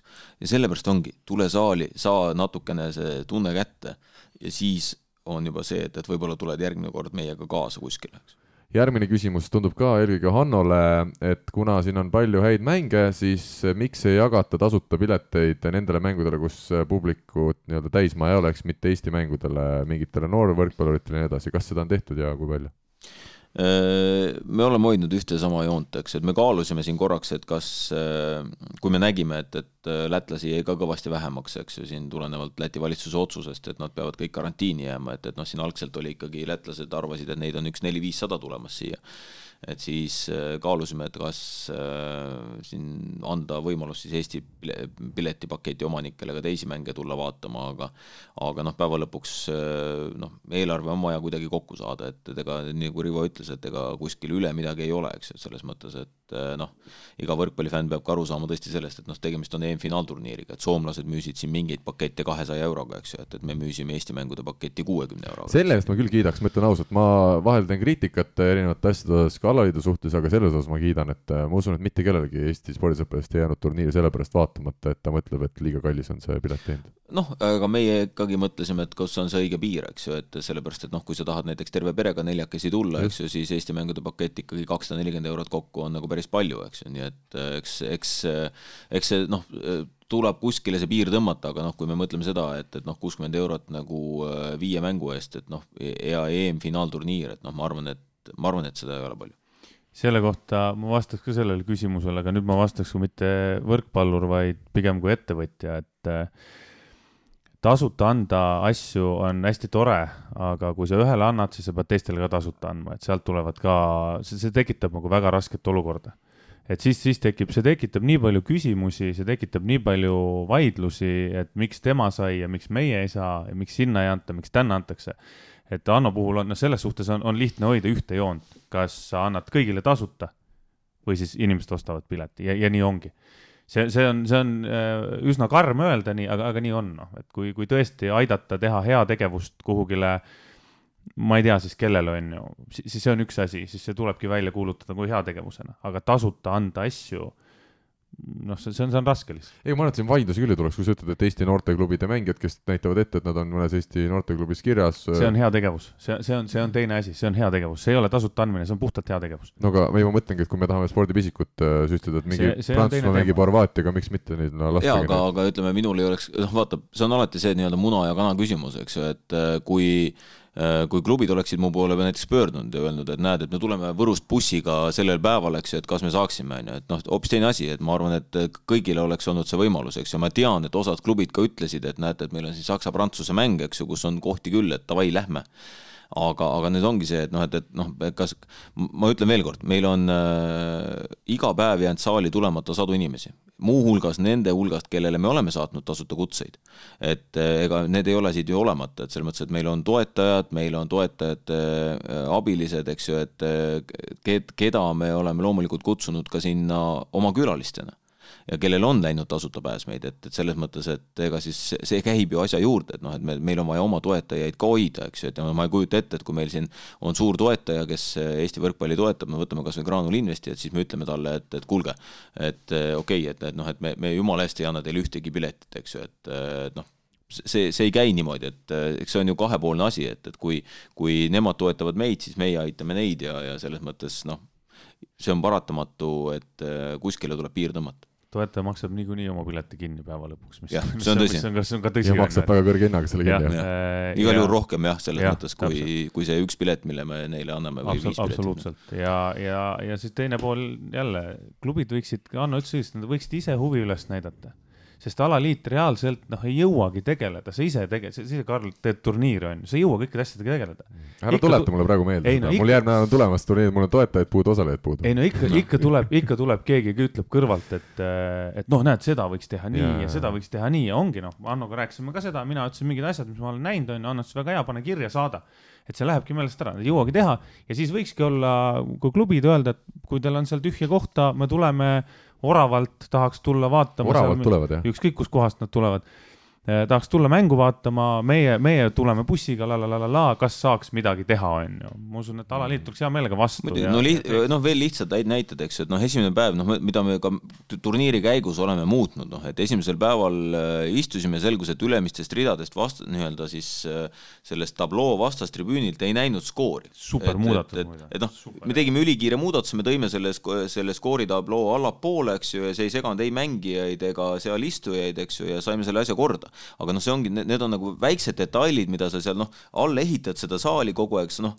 ei, ei, ei näe kõiki asju, eks ju, et ja, ja noh, eks ongi see, et äh, peab olema paindlik. Siin ühtedel inimestel on äh, kamba peale kokku kümme silma, aga teistel on kümme tuhat silma, kes näevad neid väikseid detaile palju paremini ja, ja üks, üks inimene näeb väikseid detaile, teine ei näe, et. ja kokkuvõttes ma olen ikka saanud palju tagasisidet osalejatelt ja publikult, kui hea korralduse eest kiidetakse. see on selline saal, kus ma reaalselt, ma astusin esimest korda sisse, kui me läksime selle Hispaania mängu mul tuli tahtmine ise mängima, mängida, ilma naljata, ilma naljata, kõik tundub nii mugav mängijate jaoks, ta näeb hea välja, sul on publik on piisavalt lähedal, emotsioon on olemas, kõik on valgustus, kõik on täiesti super. noh, ma ütlen lihtsalt mõned detailid jälle, eks ju, et noh, et see, et meil on seal nagu kilomeetrite viisi nagu kaableid, eks ju, et aga noh, näiteks meil on seesama, et see, et meil see challenge seal on, see Hawkeye, eks ju, et, et sa näed, et kas on see sentimeeter sees või sentimeeter väljas, eks ju. selle jaoks on seal saalis kakskümmend neli kaamerat kakskümmend neli kaamerat, eks ju, pluss telekaamerad, eks ju, ehk noh, me räägime, et meil on suurusjärgus nelikümmend kaamerat iga jumala hetk, kui seda, seda mängu mängitakse, on ju. et eh, noh, neid asju nagu kõike lihtsalt nagu ei näegi see tavasilm, eks ju, et isegi noh, ma võin väita täna seda, et kui ma küsin kõikide saalis viibinute käest, et, et kas te nägite, kus on challenge'i kaamerad, siis eh, nad ei oska seda öelda, eks ju, need on nii väiksed, isegi üks kaamera muuseas, noh, nüüd jälle vihje, eks ju, et, et kui keegi läheb saali, üks kaamera on äh, mitte pukikohtuniku, vaid siis alumise kohtuniku posti sees viiekümne sentimeetri kõrgusel maapinnast, eks ju. noh, mida keegi ei näe, see on lihtsalt sinna pisikene täpp on seal niimoodi selle polsterduse sisse pandud ja seal sees on kaamera, eks. et noh, need on, see on kõik see töö, mis nagu kaabeldus ja kõik see, mida noh, mis on selle jaoks, et see, seesama valgus, et sul ei ole, kui platsi peal ei ole varjusid, noh, kui te mäletate, vanasti jalgpallimängul, eks ju, meest, mehed oli alati selline rist oli, eks ju, et, et kuna, aga täna on meie valgustus on kõik pandud selline, et seal tele jaoks ei oleks mitte ühtegi varju noh, need on kõik väiksed detailid, mida sa võib-olla silm, sina lähed, vaatad, naudid mängu, eks ju, aga me oleme selle eeltöö kõik ära teinud selleks, et sellel samal publikul oleks seda mängu suurepärane nautida, eks.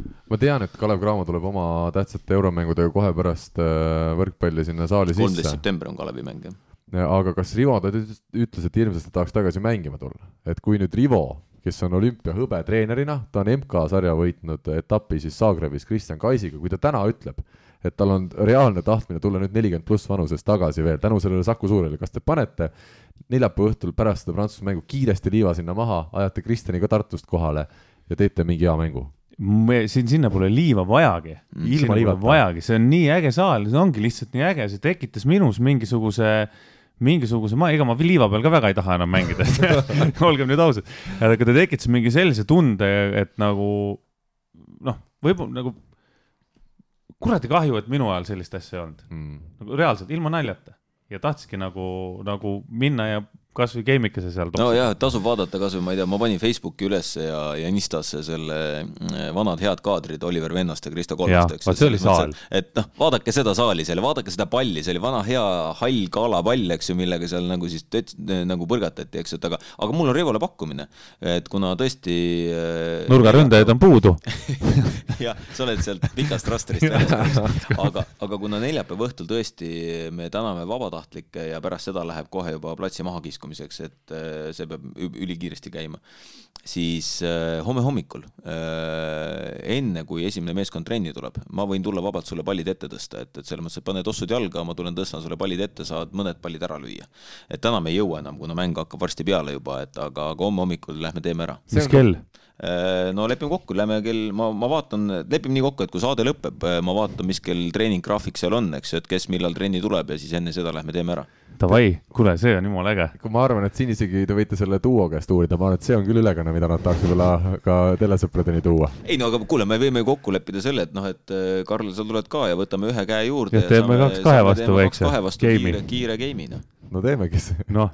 mina olen nõus, minu taha see asi ei jää no aga, aga leia endale, leia endale paariline. ja mina olen Vessaga ja sa otsi endale ka keegi. sobib, sobib, teeme ära, ausalt. okei okay,, me lepime aja kokku. ja tulemusest me. ma arvan, et meil on homme saal täis kas tulemusest me teatame inimestele äh,? ei, ei., sport võidab. võime võtta siin äh, teie need äh, so sotsiaalmeedia inimesed, teeme Facebooki laivi. Sandra Raju teeb otseülekande. Sandra Raju teeb otseülekande ja vaatame nii, aga väga hea, läheme edasi, mul lihtsalt küsimusi veel siin ja need on head küsimused. kas Rivo palun analüüsiks ja seletaks keskmisele Juhanile äh,, ma ei tea, kas Juhan Partsile, võib-olla mõni nii. teine Juhan, iga keskmisele Juhanile Sa. Salu Juhanile ka variant, mis põhjustel Eesti plokk mingi hetk nii ära lagudes, mis Rivo arvates sellist asja põhjustas? viimases paaris game'is oli Horvaatia vastuvõtuprotsent väga madal, viiendas game'is mingi hetk lausa null protsenti, ometi lahendasid nad rünnakuid sealt vigadeta, lüües palli maha või plokist out'i. meie tempomehed on nii kõrgel tasemel, et tundub ebareaalne, et Kreek, Kaganits ja Tammemaa järsku ei, ei oska enam õigesti plokki panna. kas tõesti puhas vaimne lagunemine? kui arvatav põhjus on ka tehniline, siis palun seletada, oleks huvitav teada jah, üks, üks asi, mis ma, mis ma nagu märkasin, mida ma ei tea, kas seda tehaksegi nüüd nii või, või, või kunagi nagu, nii palju kui mina mäletan, siis, siis sinna kolmesesse plokki kõrge palli puhul mindi nagu teistmoodi. et praegu on nii, et kõik mehed jõuavad kohale, jäävad korraks seisma ja sealt hüppavad raske välja, nagu raske pall, mis on kauge vastuvõtt, nad jõuavad ilusasti kohale ja sealt hüppavad. ei minda ristsammu pealt, jah? ei minda nagu see mingi rütmi pealt ülesse, et minu, minu mälupildis on see, et sa lähed isegi sinna kõrgele pallile, lähed nagu mingi rütm, sorry ja siis lähed üles ja siis lähed oma kätega sealt üle. kusjuures ma rääkisin Alar Rikbergi, meie statistikuga sellest äh, sarnasest teemast ja ta ütles, et ongi, rõhutakse ploki korrektsusele, mitte kõrgusele, et saada mehed võimalikult hästi üksteise kõrvale, kõrvale, täpselt ja. käed üle. aga sealt minu arust jäid eestlased hiljaks. Minu arust jäid nad hiljaks mingite käte üleviimiste ja asjadega ja muidugi teine on see, mis Anno ütles, et see Horvaatia side tegelikult tõstis ka raskeid palle ikkagi kiiresti. sellist konkreetset mingit kaarega tõstet, noh, praktiliselt ei olnudki, kui, kui ainult siis päris nagu üheksandast meetrist, on ju. aga kõik, mis olid seal, ütleme, kuus kuni kolm meetrit, isegi kui tempot ei saanud mängida, siis see tõstekiirus oli ikkagi nagu, ta oli niisugune keskmisest, keskmisest natuke kiirem no ütlen nüüd, et võib-olla ma mäletan valesti, aga kas mitte Tšemofei Zukovski ei olnud nagu koos Robertiga Perugias, eks ju, selles mõttes. jah, jah, täitsa võimalik. noh, mingi segasel põhjusel sa seal oled, eks ju, selles mõttes, et. ja, ja no, oligi hästi tõstetud ja, ja natukene jäi nagu minu arust nagu natukene Eesti plokk hiljaks. aga no mina ütlen oma arvamuse, et noh lihtsalt kolmandast game'ist alates horvaadid hakkasid võtma riske äh, teadlikult, sellepärast et sa pidid midagi muutma, sest me olime esimeses kahes game'is selgelt üle. ja see riski võtmine tähendas seda, ma mõtlen kahe, kahte elementi, servi ja, ja just nimelt äh, raskete pallide realiseerimist ja, ja sellise raske palli realiseerimisel, kui sa lähed hullu panema ja, ja see plokk ei ole nüüd tõesti noh, äh, nagu väga korrektne siis, äh, siis hakkabki ära lendama vastu oksa ja, ja, ja noh, natukene ebaõnne ka, eks ju, et noh, ja, ja mis nad tegid ju, äh, nad, kuna nad võtsid hullu, siis me kogu aeg hakkasime ju tegelikult võtsime kaitse, noh, see on jälle plokk kaitse ülesehituse süsteemi küsimus, aga, aga me olime suhteliselt nii-öelda kauge kaare peal ja meil pall, kolm palli ikkagi kukkus maha sellist rannakõksu, eks ju, selles mm -hmm. mõttes, et mm, -hmm. et noh, see on jälle ründaja puhas osavus, kui ta näeb seda ära, et, et nii libero kui, kui siis kaitsjad on piisavalt kaugel, kaugel..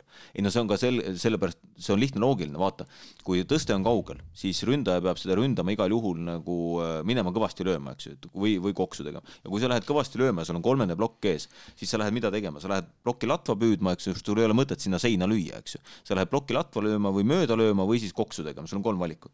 ja kui sa nüüd lähed selle plokk pidurduse peale ja, ja sealt ladvast minema lendab, siis sa peadki olema kaitses tagapool, et kaitses see pall kätte saada ja kui sa oled nüüd nii osav, et sa teed selle kõksu ära seal üle ploki, noh, siis ongi seal tühi auk. no pigem meie vaatasime, kui ma vaatasin kordust ka, kas see oli mingi Kollo olukord või ükskõik, kes see tol hetkel oli, et ta lihtsalt sel hetkel veel liikumises, tagasi liikumises, kui juba löök tuli, et löögi hetkel peaks olema seisma ja siis jõuad ka vist vastu aga see näitabki seda, et see tõste oli kiire et mm -hmm. see, see ongi see kinnitus sellest, et noh, et isegi kui me saime selle kolmese ploki mm -hmm. sinna ette, siis tegelikult see tõste oli piisavalt kiire, et sa ei jõua seda kaitseformatsiooni lõpuni üles võtta. Äh, teine muidugi teema on see, et see teine diagonaal, kes sisse tuli, jah, lõi kolme game'iga pluss kümme ennast, et see, see on, et nagu mängis ka vist hästi. aga üks asi, mis ma tahtsin öelda, see on jälle võib-olla rannavõrkpalli, saalivõrkpalli vahe, ma ei tea, mingitel hetkedel äh, oli nagu vastupidine liikumine seda on nagu raske seletada sõnadega, et kui ründaja keha on, ütleme, nelja pealt ründab ja inimese keha on meie plokimängijast antenni pool, plokimängija kehast antenni pool, eks ju. siis äh, kolm-neli palli või kaks-kolm palli olid sellised, kus Eesti mängijad viskasid sealt, sealt käed diagonaali ja neile löödi nagu välimise käest out'i. siis minu loogika ütleb, et kui sa kehaga kaotad ja sul on üks-üks plokk, siis sa viskad need käed piiri sest kehaga sa niikuinii katad juba diagonaali ka ära, et ta sinna piiri ei saaks lüüa. et sa lähed nagu palli peale piiri, kui ta lööb sinust siitpoolt mööda, siis on võimalus suurem, et see pall saadakse kätte ja sul on see võimalus, et ta lööb vasakusse kätte, on suurem, kui ta lööb sul siit nagu paremalt poolt plokist out no,. selle kohta on lihtne vastus, et tegelikult see on eeltöö, mille just nimelt Alar Rikberg ja teised ära teevad, ehk löögisuunad, eks, et noh, kui, kui kus ta peaks sellel hetkel just, sinna lööma, jah. noh, et, et ja, ja, ja sealt tuleb mängu jälle sama see, mängija osavus on ju, kuidas nimelt, ta näeb, mida ta näeb just nimelt, et noh, kui sa võtad nagu nii-öelda, kui, kui ründaja kaheksakümmend protsenti löökides, kui me võtame näiteks noh, millest mina absoluutselt aru ei saanud, oli Läti-Horvaatia mängus. Äh, kui lätlased olid, said juba matšpallid kätte, Puivits noh, kõik teavad, kuhu Puivits lööb, tuleb ainult ühte tsooni, see on number viis, eks ju, viiendasse tsooni lööb. ja horvaadid lolli järjekindlusega seisid kogu aeg nagu piiris plokis, noh, sa, sa noh, see on nagu äärmiselt äh, vale nii-öelda eeltöö, sul on kõik paberid olemas, sa näed kõik löögitsoonid, kaheksakümmend protsenti löökidest lööd ühte suunda. ja selles olukorras sa lähed, võtad kahese ploki ja võtad piiri kinni.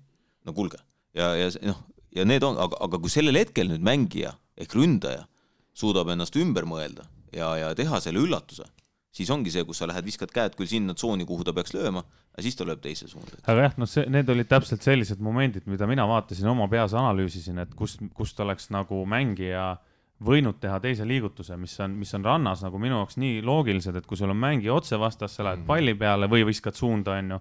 kui ta on sinust siitpool, siis sa viskad käed ikkagi nagu seda ra siiapoole. raadiokuulaja seda ei näinud muidugi. jah, noh jah, et ma, ma, seda on nii raske nagu sõnadega seletada, et äh, teeme video. teinekord jah, võitegi tulla mulle külla ja siis ma räägin teile. mul sellega seoses tekkis siin üks väga tõsine küsimus veel endal. kas homme hommikul, kui me seda mängu läheme mängima, kas vaiet saab ka võtta?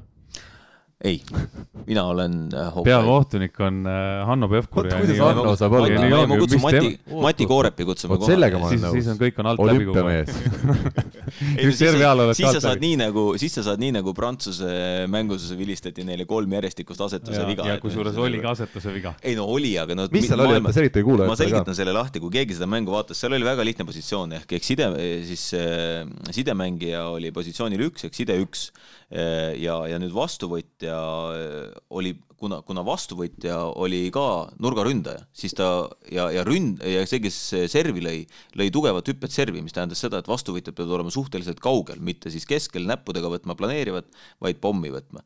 ja see tähendas seda, et Donjuti pidi seisma nagu täitsa nurgas ja sealt nurgast hakkama tulema. ja nüüd see, mis juhtus, oli see, et kui sakslane hakkas servima, ta viskas palli ülesse, aga ta viskas nii kõrgelt, ta tegi kerge pausi sinna. ja nüüd see hetk, et sidemängija tohib liiguda, liikuda mööda nurgaründajast siis, kui on palli tabatud. ja, ja valgevenelasest äh, alumine kohtunik äh, nägi, et Donjuti kolm korda jooksis varem minema, kui sakslane oli servinud. ja, ja sealt need vead tulid, eks ju, aga noh, maailma tipptasemel seda võetakse no üliharva ära, kui võtad, võtad ühe korra.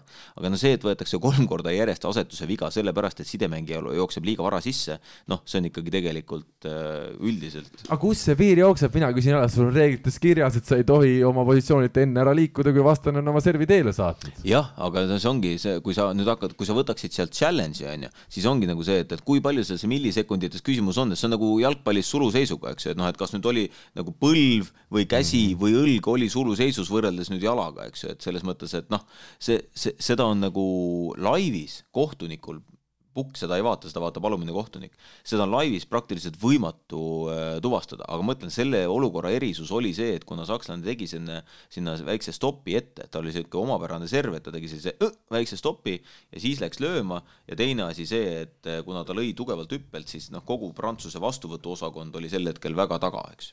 No aga mina ütlengi, et see, see ongi ju selle servija, eks ole, tugevus, et ta surub oma tugevate servidega selle vastuvõtu trio sinna taha joone juurde ja et see sidemängija peabki ja aga see on ainult üks asetus, ma räägin, see on ainult Jah. see asetus, kus sul on tegelikult äh, side üks asetus, kus, kus sul nurgaründaja on tegelikult positsioonil kaks, eks ju, ja nurgaründaja peab seda servi vastu tulema võtma, eks ju. vale mees aeti närvi lihtsalt, ma olen jumala kindel, et oleks, see oli Valgevene ko- kohtunik onju. ja Valgevene oleks kohtunik seal. mingi Euroopa mees olnud, see teist korda poleks julgenud, aga Valgevene mees pani toorelt kolm korda vaata, okei okay,, teie panete mulle, ma panen teile ka vaata, kuidas Valgevenes olukord ka praegu on riigis, ma arvan, et seal ongi lihtsalt natuke keerulised ajad. aga oli, aga no Hannol õigus, tegelikult see on nii tobe olukord, et seda mitte kunagi mitte keegi ei vilista, kui te, kui te nüüd jälgite seda situatsiooni, kuidas tegelikult see liikumine peaks toimuma peale servi pallipuudet, kõik lähevad varem, kõik Muidugi. diagonaalid liiguvad varem, kõik see liikumine toimub varem. no kõik hakkab sellest hetkest tegelikult, kui palju üles visatakse, mitte Jah. seda, kui just, et noh, tegelikult on, ütleme noh, see formatsioon, ma mõtlen, läheb sellest hetkest, noh, on vile, siis loomulikult keegi ei lähe.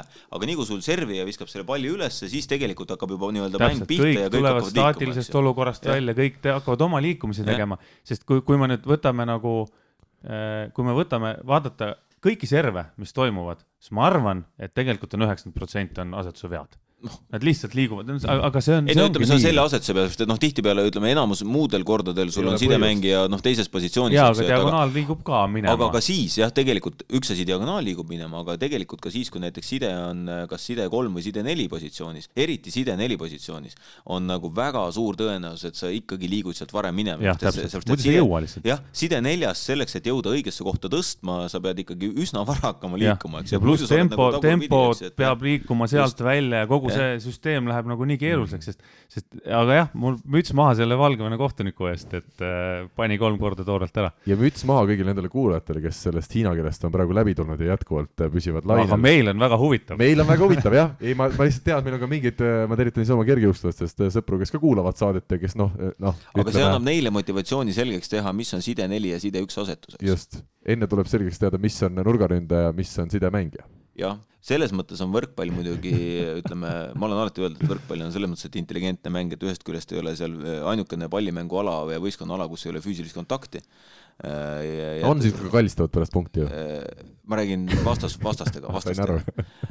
ja aga noh, teiseks tõsi on see, et, et ütleme, jalgpallis on lihtne, kui pall on väravas, on punkt, eks ju, et ja korvis on lihtne, kui pall kukub läbi rõnga, siis on punkt, eks ju. Mm -hmm.. aga võrkpallis on sul soe pall, võrgupuude, jooneviga, asetuse mingi... viga, eks ju, et, et me muuseas kaalusime maailma võrkpallis kunagi seda, et ma arvan, võrkpalli juhatuses, et panna kohtunikele mikrofonid et nii nagu Ameerika jalgpallis, eks ju, et kui tuleb nagu mingi viga, siis kohtunik ütleb, et nii, et vajutab mm. mikrofoni sisse, ütleb, et asetuse viga. aga seda, seda on tehtud rannavõrkpallis. me oleme proovinud seda ja, ja., aga, aga noh, meil nüüd just on, John Stube tegi selle nagu selgituse töö mm -hmm. ära, eks ju. mis on, mis on mõistlik, sest muidu läheb jube palju aega ka, kui kohtunik peab pidevalt seletama mingeid asju, onju. minu arust peaks Rait Rikbergil panema iga koondise mäng ja ükskõik mis mäng, mis ta teeb, ikkagi mikrofoni. ma arvan, et ei taha seda kuulda, mis seal siis, siis, siis läheb veel rohkem aega. et tegelikult ka see, mis platsi peal toimub, isegi slow mo's on ilusti näha, mida poisid ütlevad, et seal ma arvan, et me ei tahaks seda tegelikult keegi kuulata.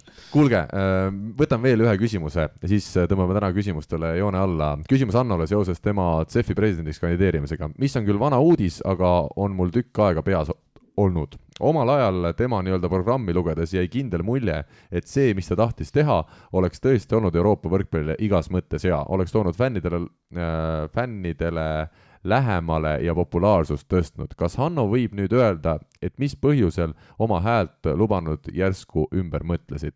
Äh, kes CEF-i tagatubades käib samamoodi, ja vabandust, kas, kas CEF-i tagatubades käib samamoodi häälte ostmine, nagu Platter äh, Fifas tegi? võrkpallis justkui sellised rahad liikuda ei tohiks või mis nende Hanno lubatud muudatuste juures teiste riikide esindajatele järsku ohtlikud tundusid?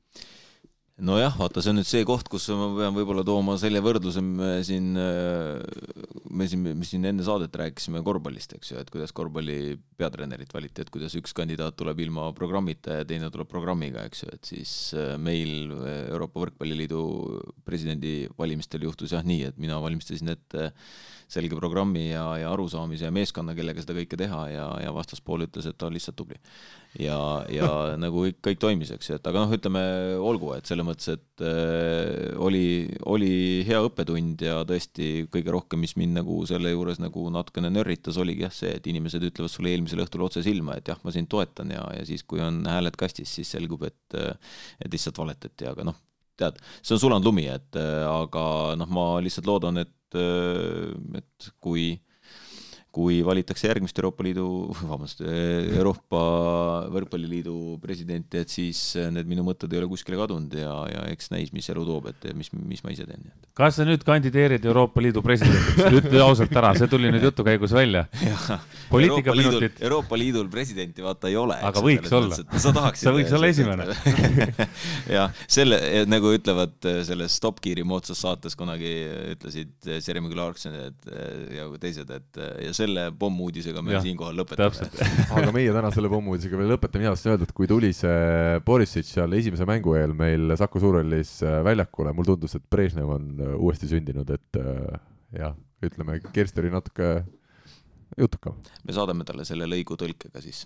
ja saadame selle lõigu ka, mis, mis Anno ise ütles minut aega varem nii et Borisic äh,, aitäh sulle täna ka kuulamast meie saadet, loodetavasti sa ei jäänud magama päris esimestel minutitel. meie aga võtame siin saate kokku. Äh, Prantsuse mäng on ees ootamas. kõik saali, see on üks asi, teine asi, mehed, ma ei tea, kui paljud neist enne mängu kuula-, jõuavad meid kuulata, aga oleme kõik teie taga kui suur see tõenäosus on siis, et Eesti-Prantsusmaa olümpiavõitja ära võtab viimases mängus? tead, aga enne kui me selle juurde veel läheme, ma nii ei, ei, ma mõtlen, ma mõtlen tänase mängu peale, selles mõttes, et kohe hakkab mäng, mis otsustab selle, kas Läti saab EM-finaalturniirile või mitte. et selles mõttes, et kui horvaadid võidavad Slovakkia, siis on Läti EM-il kahe, kuueteist hulgas, nii et selles mõttes ma arvan, et see, kes täna kõige rohkem praegu seal kusagil pinges on, on Aavo Keel, eks ju, selles mõttes, et noh, meie andsime talle, kui, kui kui nemad andsid meile võimaluse oma kolm-kaks kaotusega horvaatidele eh, mängida EM-pileti eest, siis, siis eilse meie kaotusega horvaatidele kolm-kaks oleme andnud lätlastele hiilgava võimaluse minna EM-finaalturniiril kuueteist parema hulka ja Aaval on see ka, et ja äh, tulge, kui keegi tahab tulla, sest äh, esimeseks mänguks äh, või mõlemale mängule täna on pileteid oi-oi kui palju, nii et ja prantslased mängivad ka täna, nii et olümpiavõitjaid tihti mängimas ei näe, nii et tulge saali. huvitav, kas Aavo ja lätlased tulevad täna kohe täitsa Horvaatia dressiga sinna mängule ja lähevad kuskile fännitsooni ja hakkavad lippe lehvitama? kas neil on täna ju mäng veel, ei ole või? no pärast ja, seda jah, aga neil on prantslastega tähtsam mäng. on see esimene, et see lõpeks õigesti jah, no ma mõtlen, et ma ütleme, kui vaadata kvaliteeti, siis ma puhtalt nagu kvaliteedi pinnalt siiski äh, usun Horvaatiat rohkem. Ja ma ütlesin seda enne turniiri ka, et need, kes ütlesid, et noh, Slovakkia on siin, näed, seitseteist Euroopa rankingus ja Eesti kuusteist ja horvaadid seal kakskümmend neli või kakskümmend kuus, midagi sellist, et noh, et, et siis noh, mina ütlesin juba enne turniiri, et horvaatidel on kindlasti parem sats, et kui ma võtan juba ükshaaval mehed, kus mängivad, siis äh, noh, Venemaa meistriliiga, Itaalia kõrgliiga, eks ju, et, et siis seda potentsiaali horvaatidel on kindlasti rohkem ja nad tõusevad kindlasti selge, kuidas siis ikkagi selle Eesti-Prantsusmaa mänguga jääb? Eesti võidab kolm-null. Hanno? It ain't over it uh, till it's over. ei, see ei ole mingi poliitikasaade, kus me saame no, lõpetada üldsõnaliselt. kuule, ütleme selles mõttes, et noh, ma olen realist, on ju, aga ma olen optimistlikult realist, eks ju, selles mõttes, et loomulikult uh, noh, ega kunagi ei tea, mis jälle prantslased välja mõtlevad, äkki on jälle Tallinna ööelu neile armas täna õhtul, aga kas te teete, kas Võrkpalliliit lubab, et ta teeb kõik endast oleneva, et täna Prantsusmaa mehed saaksid teada, kui tore on Eestis see ööelu? räägime pärast eetrit. Et aga, aga noh, loomulikult ma, ma usun, et Eesti võidab kolm-kaks selle mängu ja, ja või ma loodan, et Eesti võidab kolm-kaks, aga, aga noh, loomulikult ma olen realist, et meie, meie Laatsaret on päris katki tegelikult mm., nii et eks me püüame kuidagi need riismed kokku korjata ja selle ja ma arvan, et meeskond tahab näidata, mis kõige olulisem, meeskond tahab näidata nendele fännidele eh, olümpiavõitjate vastu suurepärast mängu ja, ja ma arvan, et need fännid, kes homme neli, neli-viis tuhat inimest saali tulevad, et need saavad lihtsalt suurepärase elamuse ja, ja veel kord, et täname pärast mängu ka kõik neid vabatahtlikke, kes on seda teinud. Selle... ma, ma olen selles suhtes nõus, et ma arvan, et poisid annavad endast noh, maksimum, maksimum, maksimum, et see homme jääb, kõik jääb Saku Suurhalli põrandale, mis, mis vähegi on meil meeste sees muuhulgas saab Rivo siis esimese kaotuse Saku Suurhalli uuel põrandal kätte. aga selle pommuudisega tänase saate lõpetame, aitäh kõigile kuulajatele, kohtumise uue, kohtumiseni uuesti juba järgmisel nädalal. Eesti kõige põnevamad podcastid on Delfis, kuula tasku.delfi.ee